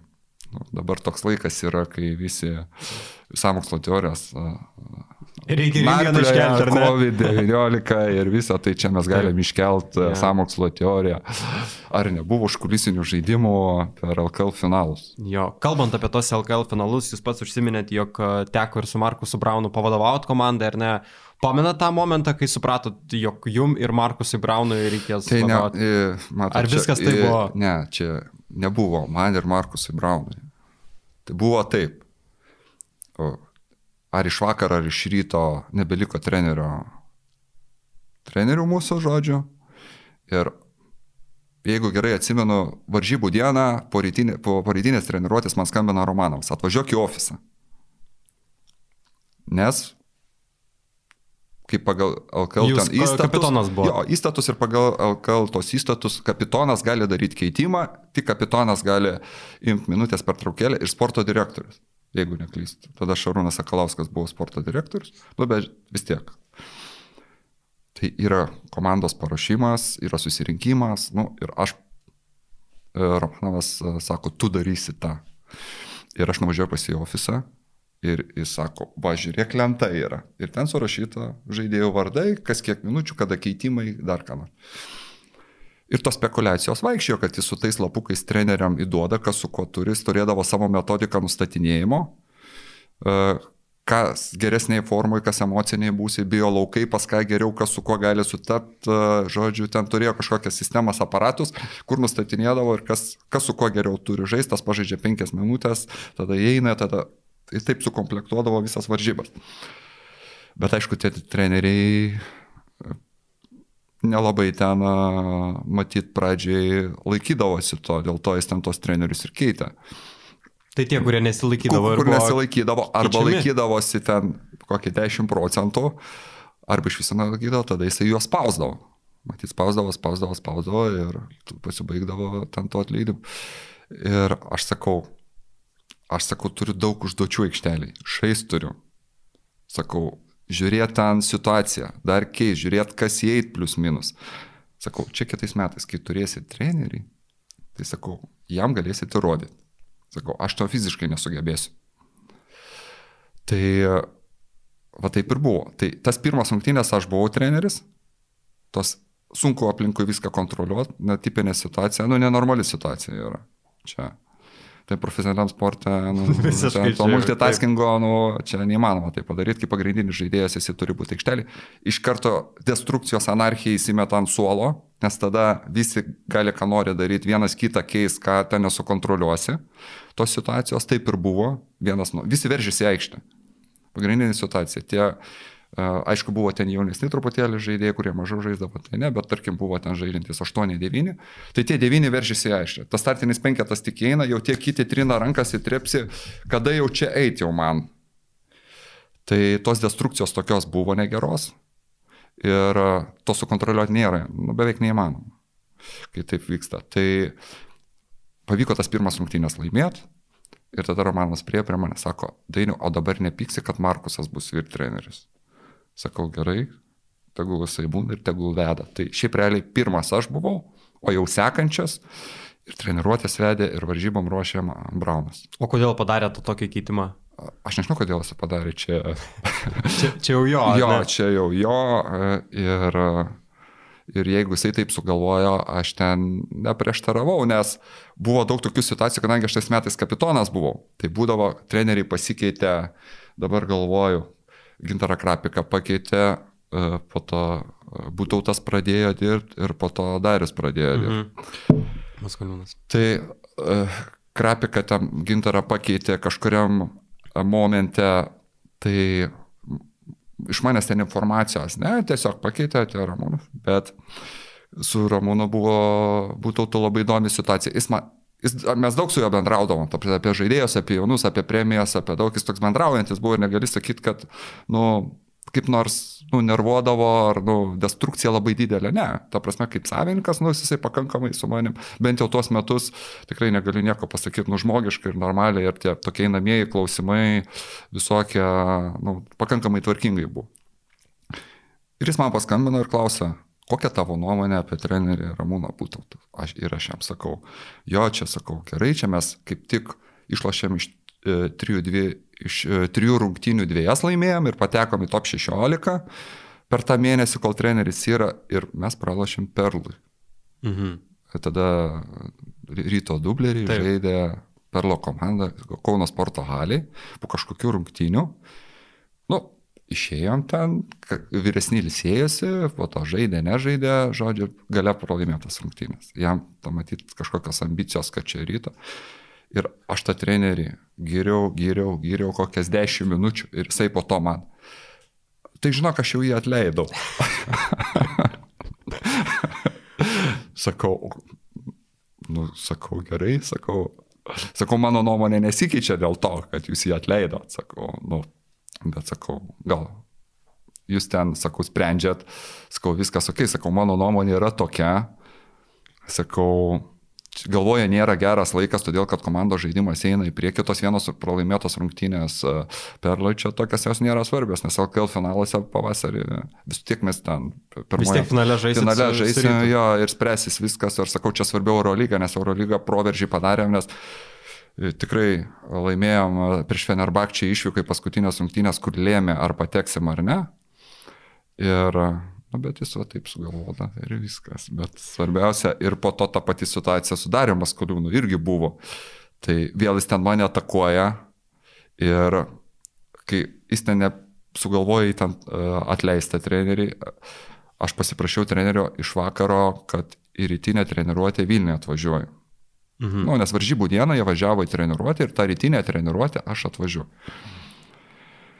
Nes po to Vilniui pasilieko po varžybų, nes man atrodo viešbutį. Po rytinės treniruotės visa komanda važiuoja viešbutį. Tai aš prisijungiu prie komandos ir tada visą dieną būnu su komanda. Ir man skambina pradžiai Braunas. Sako, dainiau. Sako, Romanovas, sako, treneriui nori atleisti. Sako, atėjo čia į autobusą, atakuoja tos žaidėjus, kurį tu palaikai, sako, Klausiu, ką tu palaikai ten, jaunų man atrodo, klausiu. Tu sako, man, mane ir trenerė, ar ne? Jo, jo, tu sako, ką čia mane, sako, sako čia, nu, sako, aš Vilniuje esu. Ir, Roma, sako, Romanovai aš pats paskambinu. Aš paskambinu. Ir jis, nu, taip čia treneriai reikta, čia, na, jeigu jūs čia pralošit be trenerio, čia nieks jums nepyks ant jūsų, jūs čia geresni, o pralošit su treneriu, tai čia kaip visi čia dabar žiūrėt, nu, tas e, savo mintis. Sakau, Aš palaikau trenerį. O jūs laimėsit šiandien. Tu man prižaidė. Jeigu, jeigu, jeigu pralošit, sako, į tave atleisiu. Tai, nu, aš vis tiek kaip žaidėjas, nu, tas kontraktas yra, nu, tu daugiau garantijų matyti turiu.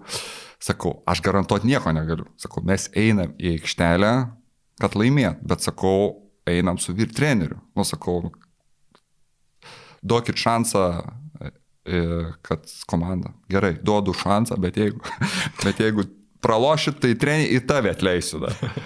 Žodžiu. Ir taip a, a, po to rungtynėse, kad tam pačioj pabaigoje ir pralošiam. Na ir prasidėjo tai mhm. grandinė, kad po to ir dar atleido. Ojojoj, tai būdavo tai, tokių, ar ne? Sunkiausia būdavo žaidėjim nebuvo sunku. Ža, ta prasme, žaidėjim. Sakė, kad mylėdavo žaidėjus. Jo, žaidėjim gerai, jauniem gerai būdavo, aš ta prasme nors daug tos irgi demagogijos visokios, nu, bet Jis turėjo ir teigiamų savybių, kažkokiu mokėdavo bendrauti ir ta prasme, jis nerzindavo. Manęs asmeniškai nerzino, kai šalia komandos būdavo, nes ateidavo į treniruotės ir jis ten uh, su tom filosofijom savo, bet, uh, nu, nerzindavo. Ta prasme, ir oro uostė, kai skrisdavom ir laukdavom lėktuvų ir šnekėdavom ir parduotuvės eidavom, ta prasme, bendravimas, bendravimas toks buvo, kad aš nejausdavau kažkokią. Blogiausia būdavo treneriai į trenerių štabą, nes jis su tos trenerius pastovi atakuodavo. Jis per treniruotės atakuodavo, kai ateina pasižiūrėtas treneris, tam žaidėjai griežčiau. Emocijos vyksta, ten santūriai niekas nekalba per treniruotės, nes veiksmas vyksta, treneris pakankamai tas decibelus užkėlęs, kad visi girdėtų. Taip. Mes čia studijoje galim taip normaliai išnekėti, bet ten veiksmas vyksta, situacija keičia situaciją, kažkas girdi, kažkas negirdi, kažkur vienas stovi už 10 metrų, kitas už 5, kitas kitoje aikštelės pusėje, tai tas treneris. Ir jaunas gavo truputį velnių ir Romanas stop, susisodino visus ir treneriui. Velnių, velnių, tai ką tu čia žaidėjų rėki? Ką, čia aš juos rinkau, aš čia juos komplektavau, ką tu čia dabar ant jų rėki, žinai. Čia visą. Nu tai, pat treneriam, nu, labai sunku. Žaidėjam aš, nu, žaidėjam buvo sunku vienoje situacijoje. Kai kiti treneriai pradėjo su lapukais keisti pradėjo to plano laikytis. Ten po 2-3 minutės pirmin atgal, pirmin atgal, tai logikos ten jokios matyt. Tai, ir tada žaidėjai net nebetikė tai, treneriu, ar ne? Ir tada, ne tai, kad treneriu, tai visi suprato. Aš neatsimenu, kuris dabar iš trenerių sako, sorry guys, situacija yra tokia. Jeigu aš ne, mane išmeta. Sako, supraskit mane, žinau, kad sunku. Sako, jums sunku, man sunku, bet sako, nieko negaliu padaryti. Nu tai taip ir būdavo. Ten būdavo vienas varžybas gerai, vienas rungtynės gerai, kitas pirmin atgal, pirmin atgal, išeini ten kol apšyliu kojas, tai už ir baigėsi varžybos, tai, nu, tokia labai dviprasmiška situacija. Tada jau žaidėjams pasidarė irgi sunku, nes iki tol tai tie pirmie tie treneriai dar taip su juo, matyti, ne visą tą informaciją, bet jau vėliau kur sekė, jau pradėjo, aš aišku nebuvau prie plazos ir prie Zūros, o ten nežinau kaip vyko, bet dar ten porą trenerių, kai buvo, tai ten jau, jau buvo, buvo, nežinau kokią dalį pasiimdavo, bet jau tie mhm. keitimai prasidėjo, tie lapukai, nes būtų nebuvę, tiesiog manau, kad jisai būtų, sako, viskas laisvas. Viso gero. Viso gero. Lapuko neimi rankas, ta, na, skrajutės, žodžiu. Ir O kuris jums pats e, čempionų titulas įsimintiniausias? E, Ta finalą išskyrėm kaip vieną įsimintiniausią ar ne, o kuris, kuris čempionų titulas jums buvo tas? Aišku, pirmas LKL, nes pirmie metai aš e, ten gruodžio mėnesį prisijungiau prie Žalgerio. Labai permaininga ta finalo serija buvo. Ten tose lemiamose rungtynėse trečiam kelinį mes dar pralaiminėjom Ir tada taip nutiko, kad Robertas Jeftokas čiurną įsisuko. Ir mes padarėm, grįžom į rungtynės ir laimėjom. Ta prasme, neturėdami iniciatyvos, jo. perlaužėm ketvirtam kelinį ir taip iš... Ir tos rungtynės, ir pati serija buvo tokia, man atrodo, mes netgi pranašumo neturėjome, mes vijomės na, priešininkus serijoje. Tai taip gavom, kad uh, nors didė, eigoj serijos didesnį pranašumą turėjo Lietuvos rytas, bet e, galiausiai mes, mes na, laimėjom tą seriją. Tai man kadangi pirma buvo, e, pirmi metai komandoje ir mano tą tokį vainikavo tokį ilgą kelią, kiek penkių metų. Jo, penkių. 2000, jo, nuo 96, nu beveik 5-6 metų toks buvo, nu toks uh, savotiškas. Atpildas, atpildas, jo, savotiškas. Tarpinė dar buvo sakalai, nes toks saka, su sakalais buvo irgi pirmą sezoną ta trečia vieta, kur reguliariam, po reguliaraus sezono mes buvom šešti ir žaidėm su Alita, kur buvo pagal komplektaciją nu, geresnė jo. komanda ir jau jie ten svajojo apie pusfinalį kaip su Lietuvos ryto, o mes pralošę 30 rungtynių 30 taškų rungtynėse pirmose, po to sugebėjom pas save laimėti ir lemiamas pas juos, tai va, irgi toks labai geras impulsas buvo. Uh, tos šiaulius nugalėjom, uh, irgi salginai silpnesni būdami ir tada gavom teisę Europos taurėse žaisti, kas tai tokiai komandai ir man asmeniškai uh, pirmi ten kiek du metus žaidėme su sakalai žaidė Europos taurės. Tai buvo labai nu, didelis tada impulsas, nes nu, čia vietiniai lygo ir po to toks vis tiek, kokios komandos ten būtų, Saportos taurė, nu tu toksai toj su užsienio komandom žaisdamas, tok, nu, dar įgauni tokios geros patirties. Taip visgi tie pirmieji, ar ne, buvo tie tokie įsimintiniausi, tie pirmi kartai? Savo, kiekvienas savotiškai toks įdomus, vieni buvo lengvesni, tarkim, ten su Arvidu tie metai arba 2005, kur 4-0 seriją laimėjome ir ten, nu, negali pasakyti, kad ten triuškinom, bet toks geriau žaidėm, taip sakykime. Mhm. Galbūt geresnę komandą turėjom ir geriau žaidėm ir 4-0 tą seriją pasibaigė. Tai tokia, nu, gal lengviau, bet buvo nu toks, tavo serija, dėl to, kad pirmą, dėl to, kad tas toks atkarpa mano, kur nuo, nuo pradžios krepšinį dėja ir būtent su žalgeriu laimėta ir toks, nes visada tai LKL žiedai tokie mistiniai atrodydavo tą pirmą vietą, nes ne, bežaidžiant, nu ir toje antroje lygoje, ir ta sakalos jinai nu, kažkur toli dar. Mhm. Ir čia va, toks, toks pakankamai greitai. Tai. O jūs paminat tuos momentus e, Kauno sporto halėje, tuos e, rungtynės, kai būdavo pilnos tribūnos, tas žmonių dėmesys, tas visų laukimas to ketvirtadienio Eurolygos rungtynių, atsimenat? Ja, tai man dar teko metu žaisti čia, Žalgerio arenai, 2011.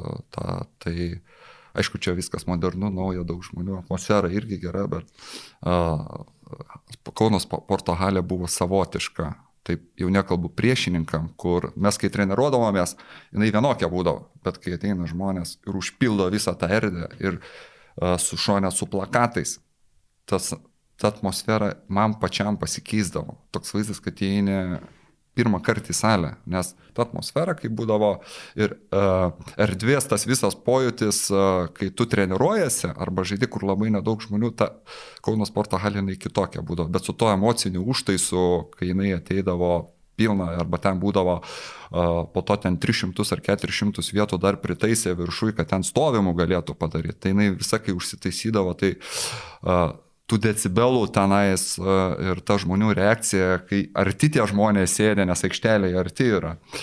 Tai, nu, fantastiškas buvo. Tai, e, Kaip laukdavo tokių rungtynių? Ryte jau prabudęs, jau jaudulys ar ten... Tai savotiškas savaitę laiko toksai stresas arba kovinė ta parengtis jau nuo prasideda, susikaupimas jau netgi dieną prieš jau prasideda toksai ir ryte tu visą tą rutiną savo pasidaręs nuo treniruotės jau lauki ir E, vienas geras dalykas būdavo, nu, bent jau vienas, tai motivuoti savęs nereikėdavo. Ta reikėdavo stabdyti tą emocijos užtaisą, nes jis įsiverždavo iš, tos, iš to noro, iš to ten atrodo, uh, išdaužysi vienas, nu, bet toks, uh, kur jau ta, turi perimti kontrolę, nes tada jau prieš tave viskas atsisuka, žaidimo kokybėje tada iš didelio noro kitokia pasidaro. Bet tas emocinis užtaisas visų žmonių, visų e, žaidėjų užsivedimas, visą tą emociją, kur sukūrdavo, tai, nu, fantastinė būdavo. O Kaune sulaukdavo daug žmonių, galbūt e, sirgalių dėmesio vaikščiant mieste tais laikais, kai visi žiūrėdavo, visi eidavo į halę, visi laukdavo. Tai aš manau, sirgaliai Kaunas to pasižymė, kad uh, myli tą krepšinį, myli tą komandą daug metų, yra taip didžiausias fanas visas miestas.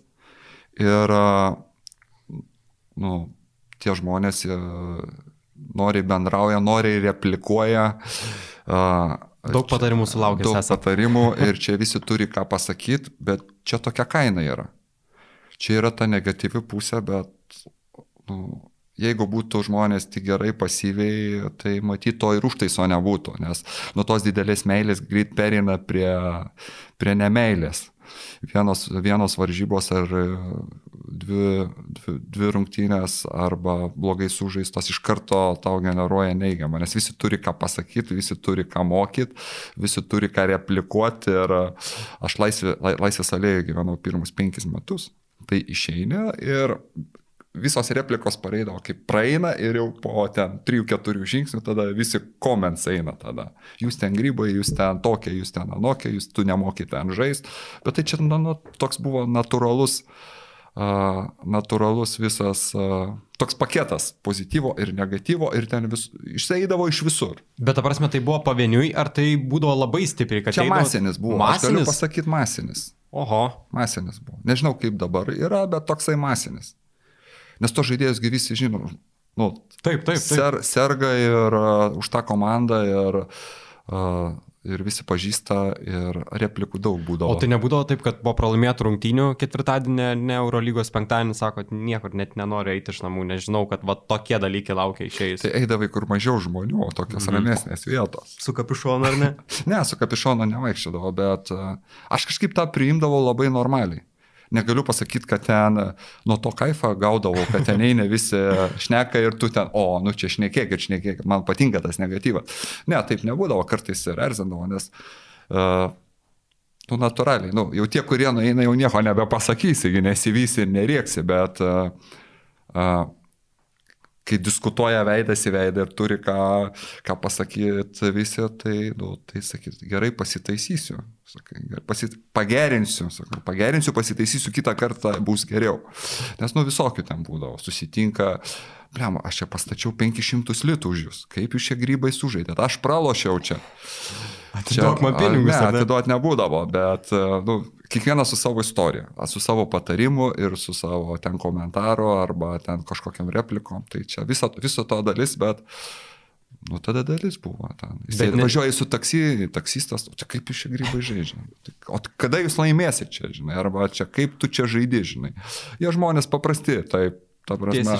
Jo, jie tiesiai šviesiai sako. Jeigu nori ką nors pasakyti ir sako. Tai... Bet kažkaip pas mane būdavo tų rungtynių geresnių daugiau, tai, tai tos vat, kritikos kartais būdavo, tai dar galima būdavo gyventi. Bet jūs gana ramiai tai reaguodavot, kaip suprantu, nepersipildydavo dažnai tą statinę. E, tai nusitacijų priklausydavo, nuo nuotaikos priklausydavo, kartais ir pareplikuoji ir dar tom replikom pasikeiti, e, kartais nekreipi dėmesio, tiesiog išmoksti su tuo gyventi. Aš supratau tiesiog, kad tai dalis yra viso to, viso to nes žmonės myli, myli tą komandą, myli krepšinį ir aš kai sakau, nuo, nuo tos didelės meilės, tik tai nepalankiai kažkas, ne ta kryptimi eina iš karto pareina strėlės ir situacija pasikeičia, bet nu, super jautriai, aš super jautrus nebuvau ir tą galėjau su to gyventi. E, Dainių, pabėgim šiek tiek nuo Žalgirio. E, Per tuos metus Žalgiryje, per tuos sezonus Žalgiryje buvo įsiterpusi ir, ir Prienų Rūdupis, ir e, tuometinis, ir Žeronos klubas Ispanijoje, ar ne? Ir ten žaidėt kartu ir su Marku Gazoliu. Pataisykite, jeigu klystu. Jo, čia antrą sezoną buvo Markas, mano komandos draugas. Buvo ir daugiau ten pakankamai neblogų žaidėjų. Kas dar ten buvo iš tų įdomesnių, A, jeigu pamenat? a, buvo San Emeterijo, vis dar žaidžia Valencijoje.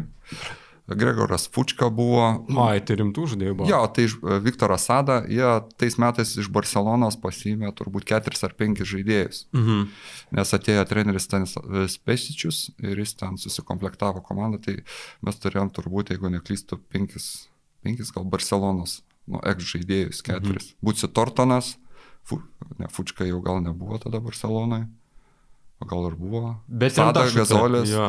Jo, tai uh, Ar Gazolis jau tada atrodė, kad tai Ne, bus Gazolis NBA? dar e, tada buvo jau geras žaidėjas, ta prasme jau galėjo labai pagelbėjo ir gerai žaidė, bet jis dar nebuvo to kalibro, kai išvažiavo. Aš po to dar po metų išvažiavau jau, jis tada dar proveržį didesnį padarė, dar po metų tapo, nu tada, kai aš išvažiavau po metų, tapo Ispanijos MVP, jeigu neklystu, ir išvažiavo NBA.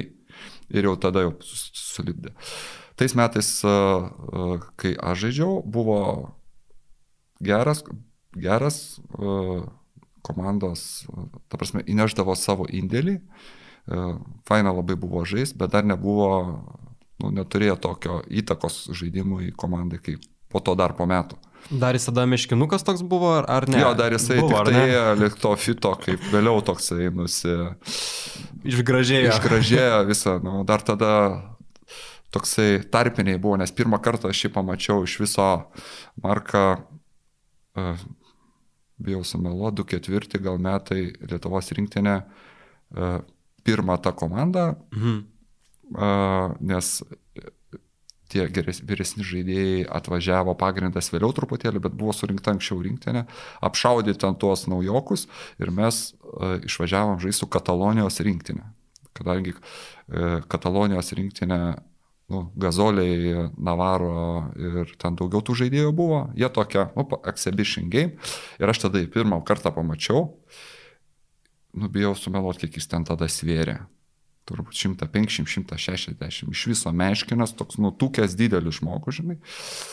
Ir jau po to po trijų metų aš jį pamačiau jau tokią tarpinę, jau kai komandos draugas buvo. Vėliau jau tą pasiekė savo, savo tą fitą tokią žaidybinį. O būtų, būtumėt statęs 500 eurų, kad žais NBA ir bus elitinis aukštaugis?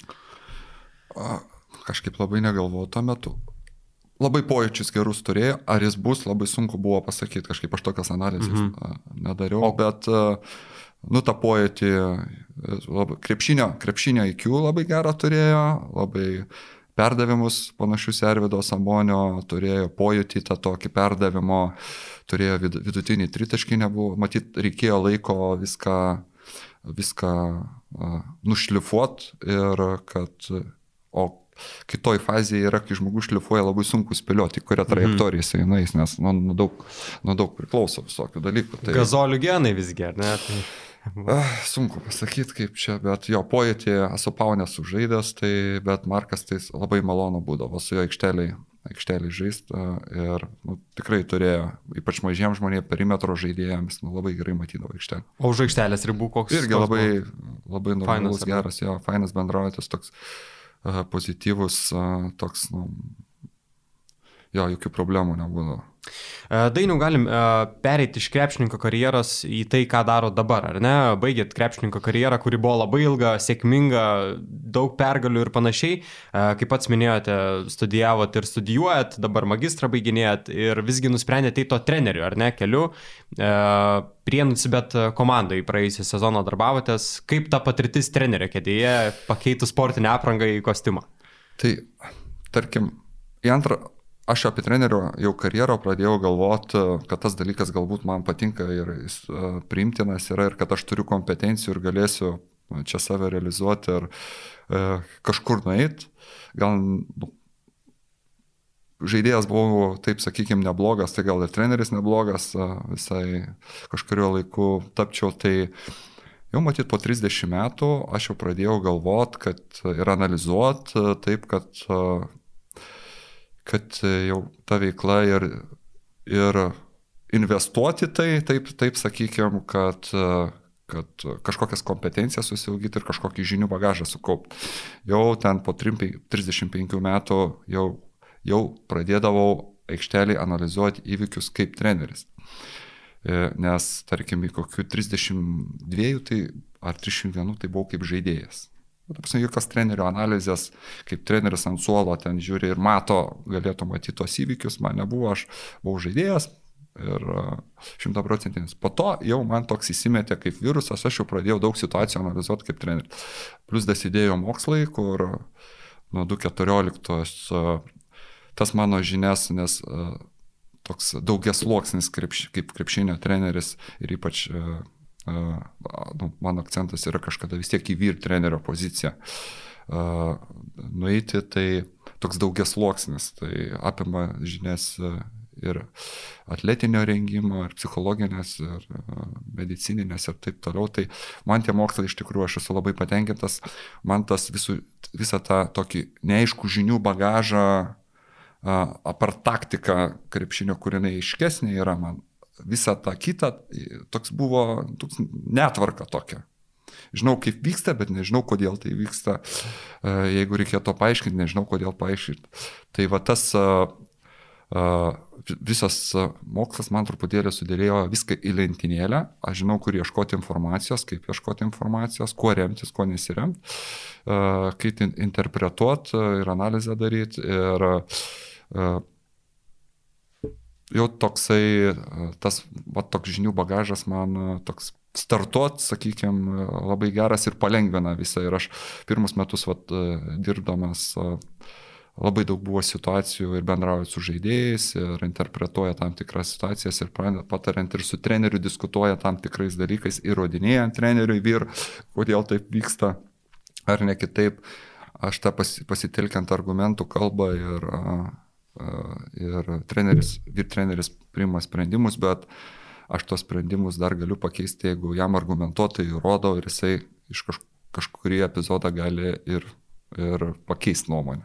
Ir labai smagu, kai gali argumentuoti, ar ne, ar ne taip, tiesiog pasakyti taip, faktą, mesti taip. ir viskas. Ir, ir diskusija tokia užsimesga, nu, ta prasme, bet kurioje situacijoje mes galim diskutuoti ir, ir išgrininti geriausią sprendimą tam tikrose situacijose, ar kas liečia žaidėjų elgesį, treneris turi savo patirtį visą kaip treniravimo, aš turiu kaip žaidėjo ir kaip trenerio yra minimaliai, bet šioks jau mokslus pabaigęs, jau turiu žinių kažkokiu ir tada ta diskusija, nu, galima giliau į tam tikrus dalykus eiti. Mhm. Nes to žinios nėra paviršutiniškos. Prienų komandai buvo nemažai ir jaunimo, ar ne? Arnas Velička, Martinas Varnas, Laurinas Birutis, Keras Krisas, kurį, Keras Krisa kurį laiką.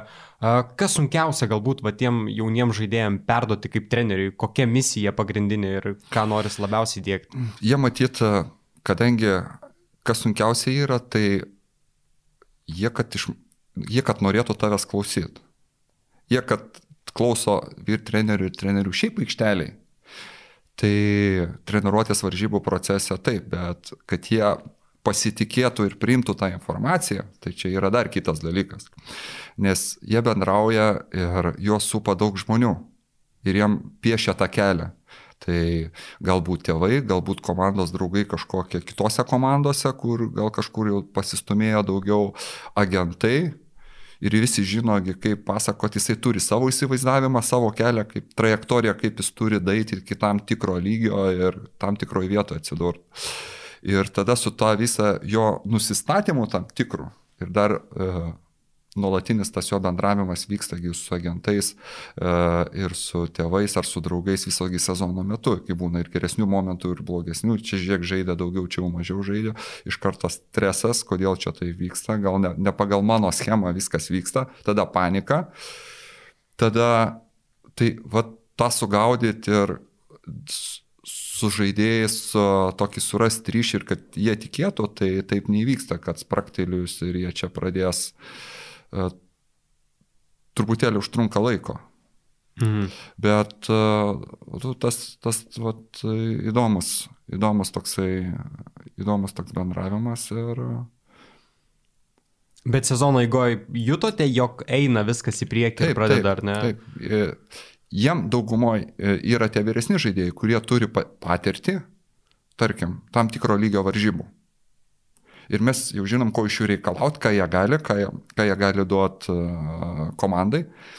Bet daugumai žaidėjų, tai tiem jaunesniem, tai pirmas sezonas Lietuvos krepšinio lygoj ir ta prasme, kad jie įgauna atsakomybę būti pagrindiniais žaidėjais ir temt komandą ir vest komandą link pirmo ketverto, taip sakykim. Nu, nes akcentas buvo, kad taip. link pirmo ketverto. Tai jie tokią atsakomybę pirmą kartą gauna. Apart to, kad meistriškumo talento jie turi, tai jie turi, jie tą turi talentą dabar žaisti, duobių pasitaiko ir pa, pas daugiau kompetencijos turinčių žaidėjus. Čia jaunas, jisai atsakomybė didelė, oponentai yra pakankamai stiprus. Ta konkurencija ten nuo ketvirtos iki apačios yra plius minus tų apylygių komandų, nu, ankšta, taip sakykime. E, ką mes pasižiūrim kitose komandose turi. Mes turim žaidėjus, kurie jau eilę metų žaidžia LKL komandose. Ne? Gal kažkada ryte žaidė, gal kažkada žalgerį. Jie jau turi Europos taurių, kai kas Eurolygos patirties. Čia išeina žaidėjas, kuris, jisai talentingas, bet pirmus metus gauna tą. Ir jis klysta. Tai natūralu. Jie kol tą kompetenciją užsiaugina, jie kažkiek laiko klys. Tai vienu metu buvo Arnas, e, e, ta, Arnas buvo ir Keras du žaidėjai. Pagrindiniai. Pagrindiniai. Tai mes žaidžiam su rytu, kur ten jų oponentai yra kiti žmonės. Tai natūralu, kad nu, mes turim suderinti du dalykus. E, norim laimėti ir norim, kad jie tobulėtų. Tai nu, kažkas nukenčia. Tai mes labiau norėjom, kad jie tobulėtų, bet e, link antros dalies sezono jau pradėjom tą ir žaidimą. Aišku, pasipildėm truputėlį Donato, kur Sabitskį, kur patirties Laurinas labai daug pridėjo. Tada mes tokius su komanda įgavo tą visą kompetenciją, tie žaidėjai daug patobulėjo, nes gausti penkias minutės žalgerį, kai kuriems žaidėjams, nu, kur jie praleidė ir gal kai kurie jau e, ir tapę LKL čempionais ten yra, bet e, būnant rolės žaidėjai, kur užnugarį tu turi ir išeiti prie, prie gerų komandos draugų, ten papasuoti ar laisvam mesti tai yra du skirtingi dalykai, negu komanda ant savo pečių ten. Tai va, jiem tokia patirtis, tai tokia prabanga nedaug kas turi. Tai va, šiame tokia komanda buvo uh, Kedainiai ir mes, kur jaunas žaidėjas, ta terpė yra, kuris gali tobulėti. Ta prasme, tie vieni metai, kur nu, treneriai suinteresuoti, visa organizacija suinteresuota, kad tu žaistum ir kad tu tobulėtum. Tai e, savotiškų kreditų jie gauna laiką, nes kitur reikia tau įrodyti. Jeigu tu su vyresniu esi mažesnės, mažesnio meistriškumo arba mažesnė naudos, tai greičiausiai tu mažiau gausi. O čia su savotiškų rezervų ir avansų jiem būdavo, jeigu lygiai, tai jie gaudavo. E, gaudavo matyto laiko daugiau dėl progreso to. Tai uh, Kaip pats minėjot, Arnas Velička ar neturėjo labai daug atsakomybės ant savęs nešti visą vežimą, pagrindinis žaidėjas, jaunas dar labai, bet žiūrint į jį atrodo, jog tos atsakomybės visai nebijo ir pasitikėjimo tikrai netrūksta, bent jau šono. Taip, tai atsakomybės daug buvo duobių, buvo tų situacijų, kur jisai jam netipė, nes jisai nesusidūręs. Buvo sumažėjimas nuo nuo ten naudingumo 15 ir taškų ten vidurkio vienu metu krito ten iki kažkiek ir jam nu, natūralus klausimas. Nu, ne pagal, kaip aš sakau, ne pagal jo schemą čia vyksta. Planą. Ne pagal jo planą iš ankstinį čia vyksta, taip neturi būti. Bet nu, gerai, kad bendravimo metu tos korekcijas pavyko padaryti ir e, pavyko, buvo bandymų jam išvažiuoti, bet pavyko, va čia tas ir įvyko, kad ne pagal jo truputėlį planą ir iš karto ką daryti, nes, nu, ne taip vyksta, mm -hmm. kaip aš sugalvojęs arba mano aplinka.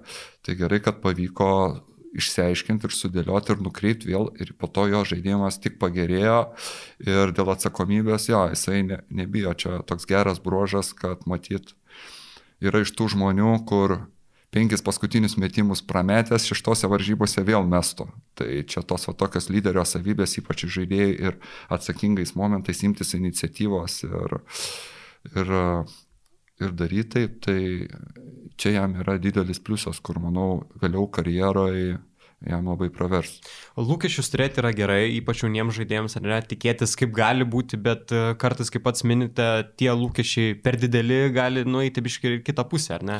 Tai jie būna dideli, tai nu, natūralu, kad žmogus te kelia matyti didelius lūkesčius, nes jeigu nekeltų, tai turbūt niekur nenueitų.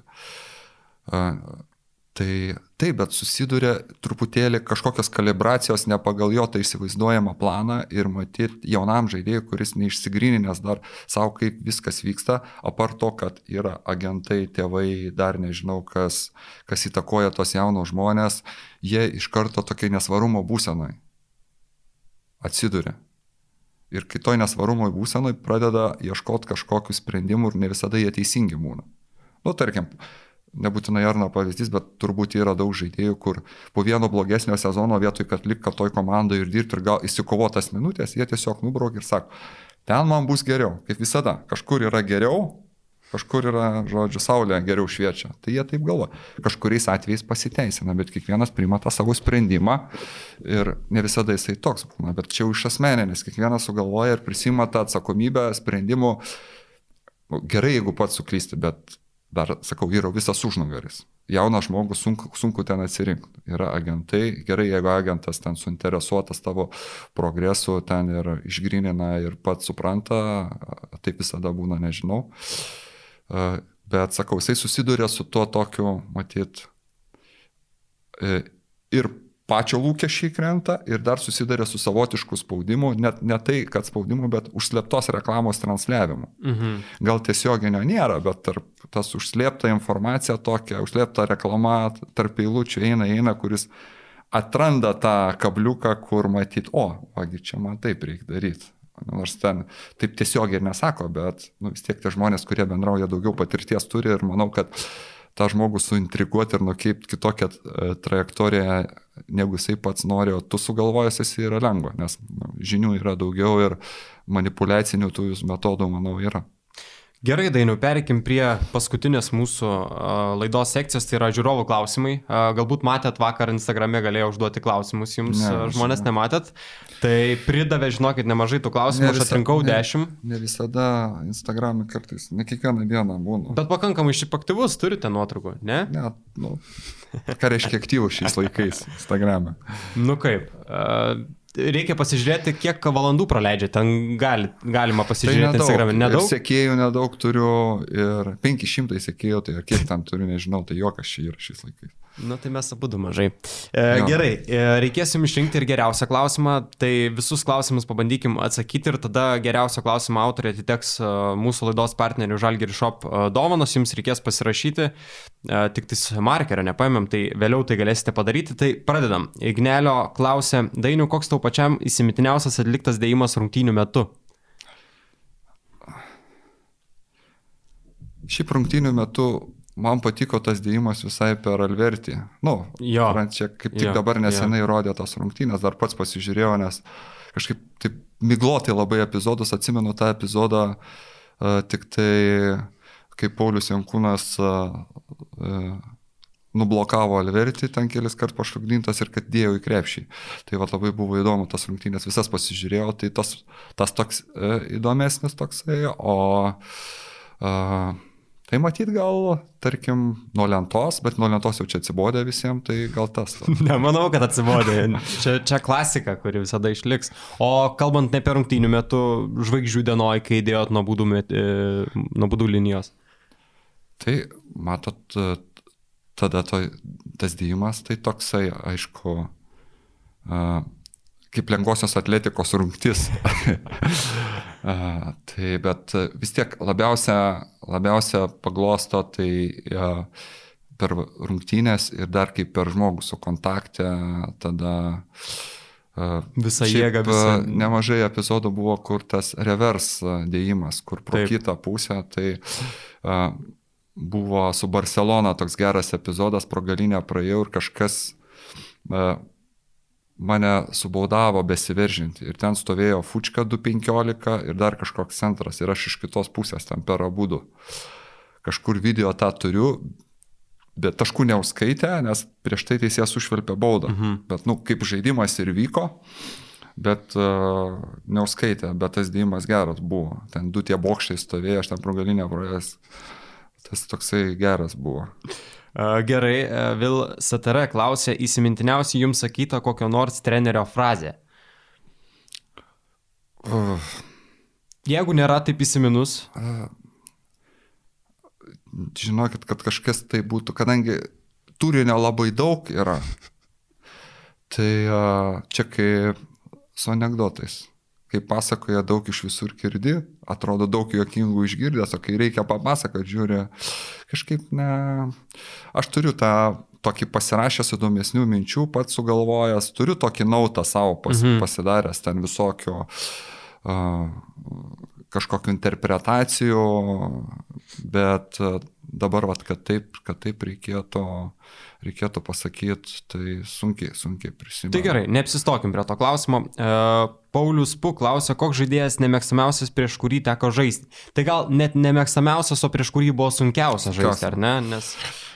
Taip, nemažai. Šiaip sunkiausia visada, kadangi šiaip pakankamai buvau, galiu pasakyti, geras gynybos specialistas ir dengdavau ir mažesnius, ir pirmus numerius, aišku, rečiau, bet kartais tekdavo užduotis trenerio ir antrus, ir trečius. Tai sunkiausia man būdavo iš mažesnių, tai e, E, shooting guard kaip Navaro, Rakoševičius būdavo, Macijauskas, skorerius, jo. Jie mažesni, jie greiti, ypač sunku Navaro buvo dengti, nes jis toks labai eks, explosive, žodžiu, vaikytis ten po visą, visą komandą jam dirbo, tas užtvaras stato, jis labai greit bėga, daug pick and rollų žaidžia, labai vargina. Nes aš ir taškųgi norėjau įmest, ne tik gynyboje. tai kažkoks nu, at, labai daug atimdavo, atimdavo jėgų, jau po to polimui nelabai kas likdavo. Iš trečių numerių daug kartų suvedė su Bodiroga panaši pozicija, tai šiaip ir šiaip buvo pakankamai sunku, nes nu, turėjo ten tą visą bagažą tų judesių ir toks 2.5 pakankamai aukštas. Ir... Bet jeigu reikėtų išskirti, išskirčiau Navarą. Navarą, ne. Tai legendos tokios. Uh, sprinteris klausė, vilkint prienų marškinėlius dėjimas BBL rungtynėse būnant netoli 40 metų ar dėjimai prieš Unikaką, kurie yra įsiminę labiau? Net nelabai pamena to prienų dėjimą, ar ne? Prieno prisimenu, kai kritau ir vos ko koja nelūžo. Jo, aš tą epizodą vakar žiūrėjau, atrodė lab, labai nesmagiai. Jo, čia.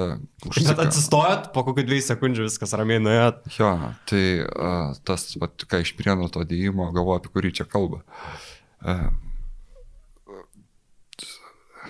žodžiu, Unikaka. nemažai dėjimų buvo, bet jo, kai Eurolygoje, Eurolygoje tai vyksta prieš prieš tokius žaidėjus, tai e, su Girona e, FIBA, FIBA finale, finale, finale su Mariupolė Zumaš esu judėjęs per Gulėšą, per finalą. Mhm. Irgi tą revers dėjimą YouTube yra, kas nori pasižiūrėkit. Irgi ten toks uh, drūtas toks centras, uh, vengrų tas žaidėjas Gulėšas, man atrodo. Uh, toks didelių gabaritų, jo. tai irgi... Per tokius smagiausia, ar ne? Jo, tai tas revers iš kitos pusės toks įdomesnis dėjimas. Uh, Julius Lisauskas klausė, kokios Veličkos kaip žaidėjo stiprybės ir silpnybės. Pakalbėjome apie jį šiek tiek, bet uh, jeigu galima išskirti, sakykime, kelias tas pagrindinės. Fiziškai kaip, uh, kaip žaidėjas geri duomenys fiziniai, nelabai pamenu, kad tokių gabaritų žmogus, tokių rankų, stiprių plaštokų, toks visas tokių potencialų ištvermės ir uh, galingumo, toksai, uh, nu, labai gera kombinacija, taip sakykime. Tvirtas kūnas, uh, judesių ta amplitudė man patinka labai. Taip, pas baltus uh, žaidėjus, ta, toks, ta plastika tokia, uh, Aš kiek bandžiau taip treniruotis, man neišėjo. tokie judesiai, tokie kažkokie pas mane truputėlį kapoti. Mhm. Tie judesiai gaudasi, bet uh, pasita plastika tokia ir judesio amplitudė, tokia visa kūno kalba, nu, man labai patinka. Tas driblingas, uh, te, techniniai tie visi, uh, tas bagažas techninis toks labai įdomus. Šiaip turi, aišku, tam tikrose vietose, kur dirbti, bet 2-3 metai, manau, dirbs ir tą pagerins, pagerins metimą iš statinės padėties. Nu, yra, yra tokia, kuri e, vėliau prasiveržimas labai geras, e, žaidėjai, aišku, čia analizuoja ir pamatė, truputėlį jam duodavo, duodavo, atiduodavo metimą, ir kartais jis turėdavo su to problemų. Tai aš manau, daug dirba ir tą, tą komponentą tikrai pagerins. Gerai, toliau. Moziukas klausia, ką dabar darytumėt kitaip, nei darėt, kaip rungtyniavot. Pagalvojot, ką nors? Na čia jo, toksai sunkesnis klausimas. Matyt, matyt gal dabar iš, iš dabartinės perspektyvos. Taip Tai uh, gal būčiau kažkaip daugiau, daugiau dirbęs ties techninę, ne, techninę tą savo uh, uh, pusę. Pusę, nes, nu, būdavo, ta kairė ranka nebūdavo jinai tokia, tas driblingas, nu, kur aš tikrai galėjau dar daugiau turėti dividendų prie, tarkim, uh, turint e, stovėseną mano aukštą tokią pakankamai būdavo, nes matyti frankinio baziniai tie judesiai -hmm. susiformavę. Aš manau, kad man didžiausias buvo, aišku, aš pakankamai a, a, lengvai jaučiausi ir su tokiu driblingu, kokį turėjau, bet tą dalyką atitobulinus, aš manau, kad aš dar būčiau buvęs pavojingesnis. Gerai, Šarūnas Karunaitis klausė, dainiau vienas pirmųjų LKL žvaigždžių dienoje dėjai nuo būdų linijos, gal buvo kokių lažybų su kolegom, ar pavyks įdėti, jei taip, ką pavyko laimėti? Ne, tai o, aš su tada fizinio parengimo treneriu Aleksandru Kosausko mes ten pradėjom, jis man padėjo, maždaug, kad e, atskaitos taškas būtų nuo tos vietos, kur pradedi bėgti visada tas pats. Ir aš per treniruotės pasibandžiau, likus ten savaitę ir kiek laiko. Aš nebežinojau, nuo kur įdedu. Nu, ta prasme, ten 3 metrai. Mhm. Ir jau pradėjo ten tos klyjot e, teipus maždaug, e, nu, pabandom nuo čia. O, tada pabandom nuo čia. O, žiūrėk jau čia, žiūrėk jau netoli baudos. Nu ir tai mes ten maždaug tą taktiką pasidėliojom, kad bėgi nuo tos pačios vietos, lengviau atstumą tada gaudyti. Pradedi nuo, nuo mažesnio ir po to eini toliau, toliau, taip, toliau, taip. toliau. Tai vad savaitė iki tol aš ten nelabai žinojau, kiek, kiek įdedu. Tik po to paaiškėjo, kad nuo baudos gali įdėti. Nu, ta prasme, žinojau, kad ten, nu, 3 metrai, kad pakankamai iš toli, bet nuo baudos niekada nebandžiau, nes, nu, nebuvo reikalo tokio, kad kažkaip čia. Taip, kad, nu, nebuvo, nebuvo kažkokio la, lažybų su nieko. Jo, Tiesiog bet... važiavau, nu, ir žodžiu. Bet uh, Kosauskas palaikė, padėjo netreniruoti. Jo, padėjo pasiruošti patarimų davė ir kaip tą atsispyrimą, nes, nu, toks truputėlį nestandartinis e, epizodas, nes tokio judesio kaip ir nenaudoja dar be to. Nu, kadangi galimybės, ne, ne Michaelas Jordanas buvau, taip negalėjau tokio rezervo, neturėjau, su driblingu negalėjau dėti. Tai teko be driblingo bėgti. Bet net ir dabar žiūrėjau, spūdingai atrodo, dar tas dėjimas tikrai taip, taip širpuliukai praeina pro kūną pažiūrėjus. Jo, tai vat vieno bet trūksta, tai kad dar su, su driblingu būčiau, tai iš viso idealiai būtų. Gerai, e, Nerijus Skundratas klausė, kokias tavo tatuiruočių reikšmės, ką išvertus reiškia tas kinietiškas užrašas ir kokią tatuiruotę norėtum dar pasidaryti? Tai su tatuiruotėm jau turbūt sustojau, nes pradžiai buvo ta viena tatuiruotė su užrašais, o po to, nu, truputėlį tą užpildyti užpildyti visą tą sugalvojau ir komponuotą visą, nes su tais hieroglifais atsibodo. O tai va, tai toks e, hybridas gavosi, o daugiau nežadu, bent jau kol kas. O dėl reikšmių, tai čia kaip kas manęs paklausė, tai aš sakau, čia kaip a, abstraktas paveikslas. Mhm. Kiekvienas, ką nori, tą mato. Supratau. Čia nėra ta reikšmių, čia, nu tokia. Kaip kas nori, taip taip. Kaip interpretacijos čia, nu, čia nėra. Nes jeigu uh, aiškinčiau, ką kiekvienas reiškia, tai čia nieko neveiktų, nes labai dažnai, o ką čia tas, o ką čia tas, o ką čia. Na nu, čia kaip paveikslas, ateini. Pasižiūri, pasigroži ir tu interpretuoji, nu čia maždaug medis, o kodėl čia batas kabo ant medžio, nu čia kažką reiškia. Tai čia interpretacijos. Gerai. Ir Darius Mačiulis klausė, e, paskutinis būtent jo klausimas, kokia įsimintiniausia Romanovo frazė? Apie įsimintiniausią istoriją pakalbėjom, o buvo tokie žodžiai, kurie įsiminė. Man tokia, ne, man tokia frazė dažniausiai, nes dažnai man pritaikydavo, nes uh, prieš to tą laikotarpį po pertraukos, kaip aš grįžau, 2011, ne, tai kai jis dabar jau sun, neprisimenu, nuo 8, ne, Romanovas. Galo, nuo 8 galo. Mhm, kažkas tokio. Jo, tai Ir tada jinai taip iškrisdavo, bet e, man ypač grįžus ir visada žaidžiant su Lietuvos rytu, visada ryšių ar namuose, jo frazė e, būdavo ta pati. Tikiuosi nepardavė rungtynių. Jis visada, jis persikėdavo. Jis e, čia žaidžiant su Lietuvos ryto namuose, tai nu, vis tiek kažkoks judėjimas vykstagi uh, į, į aikštelę, į rūbinę ir tu tam kažkurį susitinkis, dar čia praeina prieš susirinkimą ar susirinkimo metu ateina, kada ten sugalvoja. Nu, ir jis visada, jis visada eidavo. Ir Rubinė, kai eidavo, sėdė ten, vis, jis pirmiausia mane žiūri ir man taip sakydavo. Tikiuosi, nepastatė, nepardavė ir... Bet prie visų, ne vien jums asmeniškai. Prie visų ten sakydavo, ir man asmeniškai ten susitinkė. Jis ten eina, eina, tai susitinkė ir jis, o, jo, nu žiūrėk šiandien per rungtynės, nebandyk parduot. Jis visada, va, ta etiketė man buvo užlipdęs ir anksčiau jis... Uh, Pardavėjas. Jo, par, jo varžybų pardavėjas. Ir, nu, tas būdavo ir jis kaip blogesnės rungtynės ir Eurolygoje ten arba kelias pasima statistiką, jeigu ten 3-2 taškai, o jeigu 0, tai viskas. Tai, tai tikrai pardaviau. Jis tada su tuo vos nelapu jis mane persikėdavo ir sakydavo, žiūrėk, nieko nereiks čia galvoti, tu pasižiūrėk, nulis, Viskas aišku čia. Ir taip ne tik man būdavo, ten buvo daugiau. Ten vienu metu ten krasnodarai pralašėm, tai trysė tokia buvo.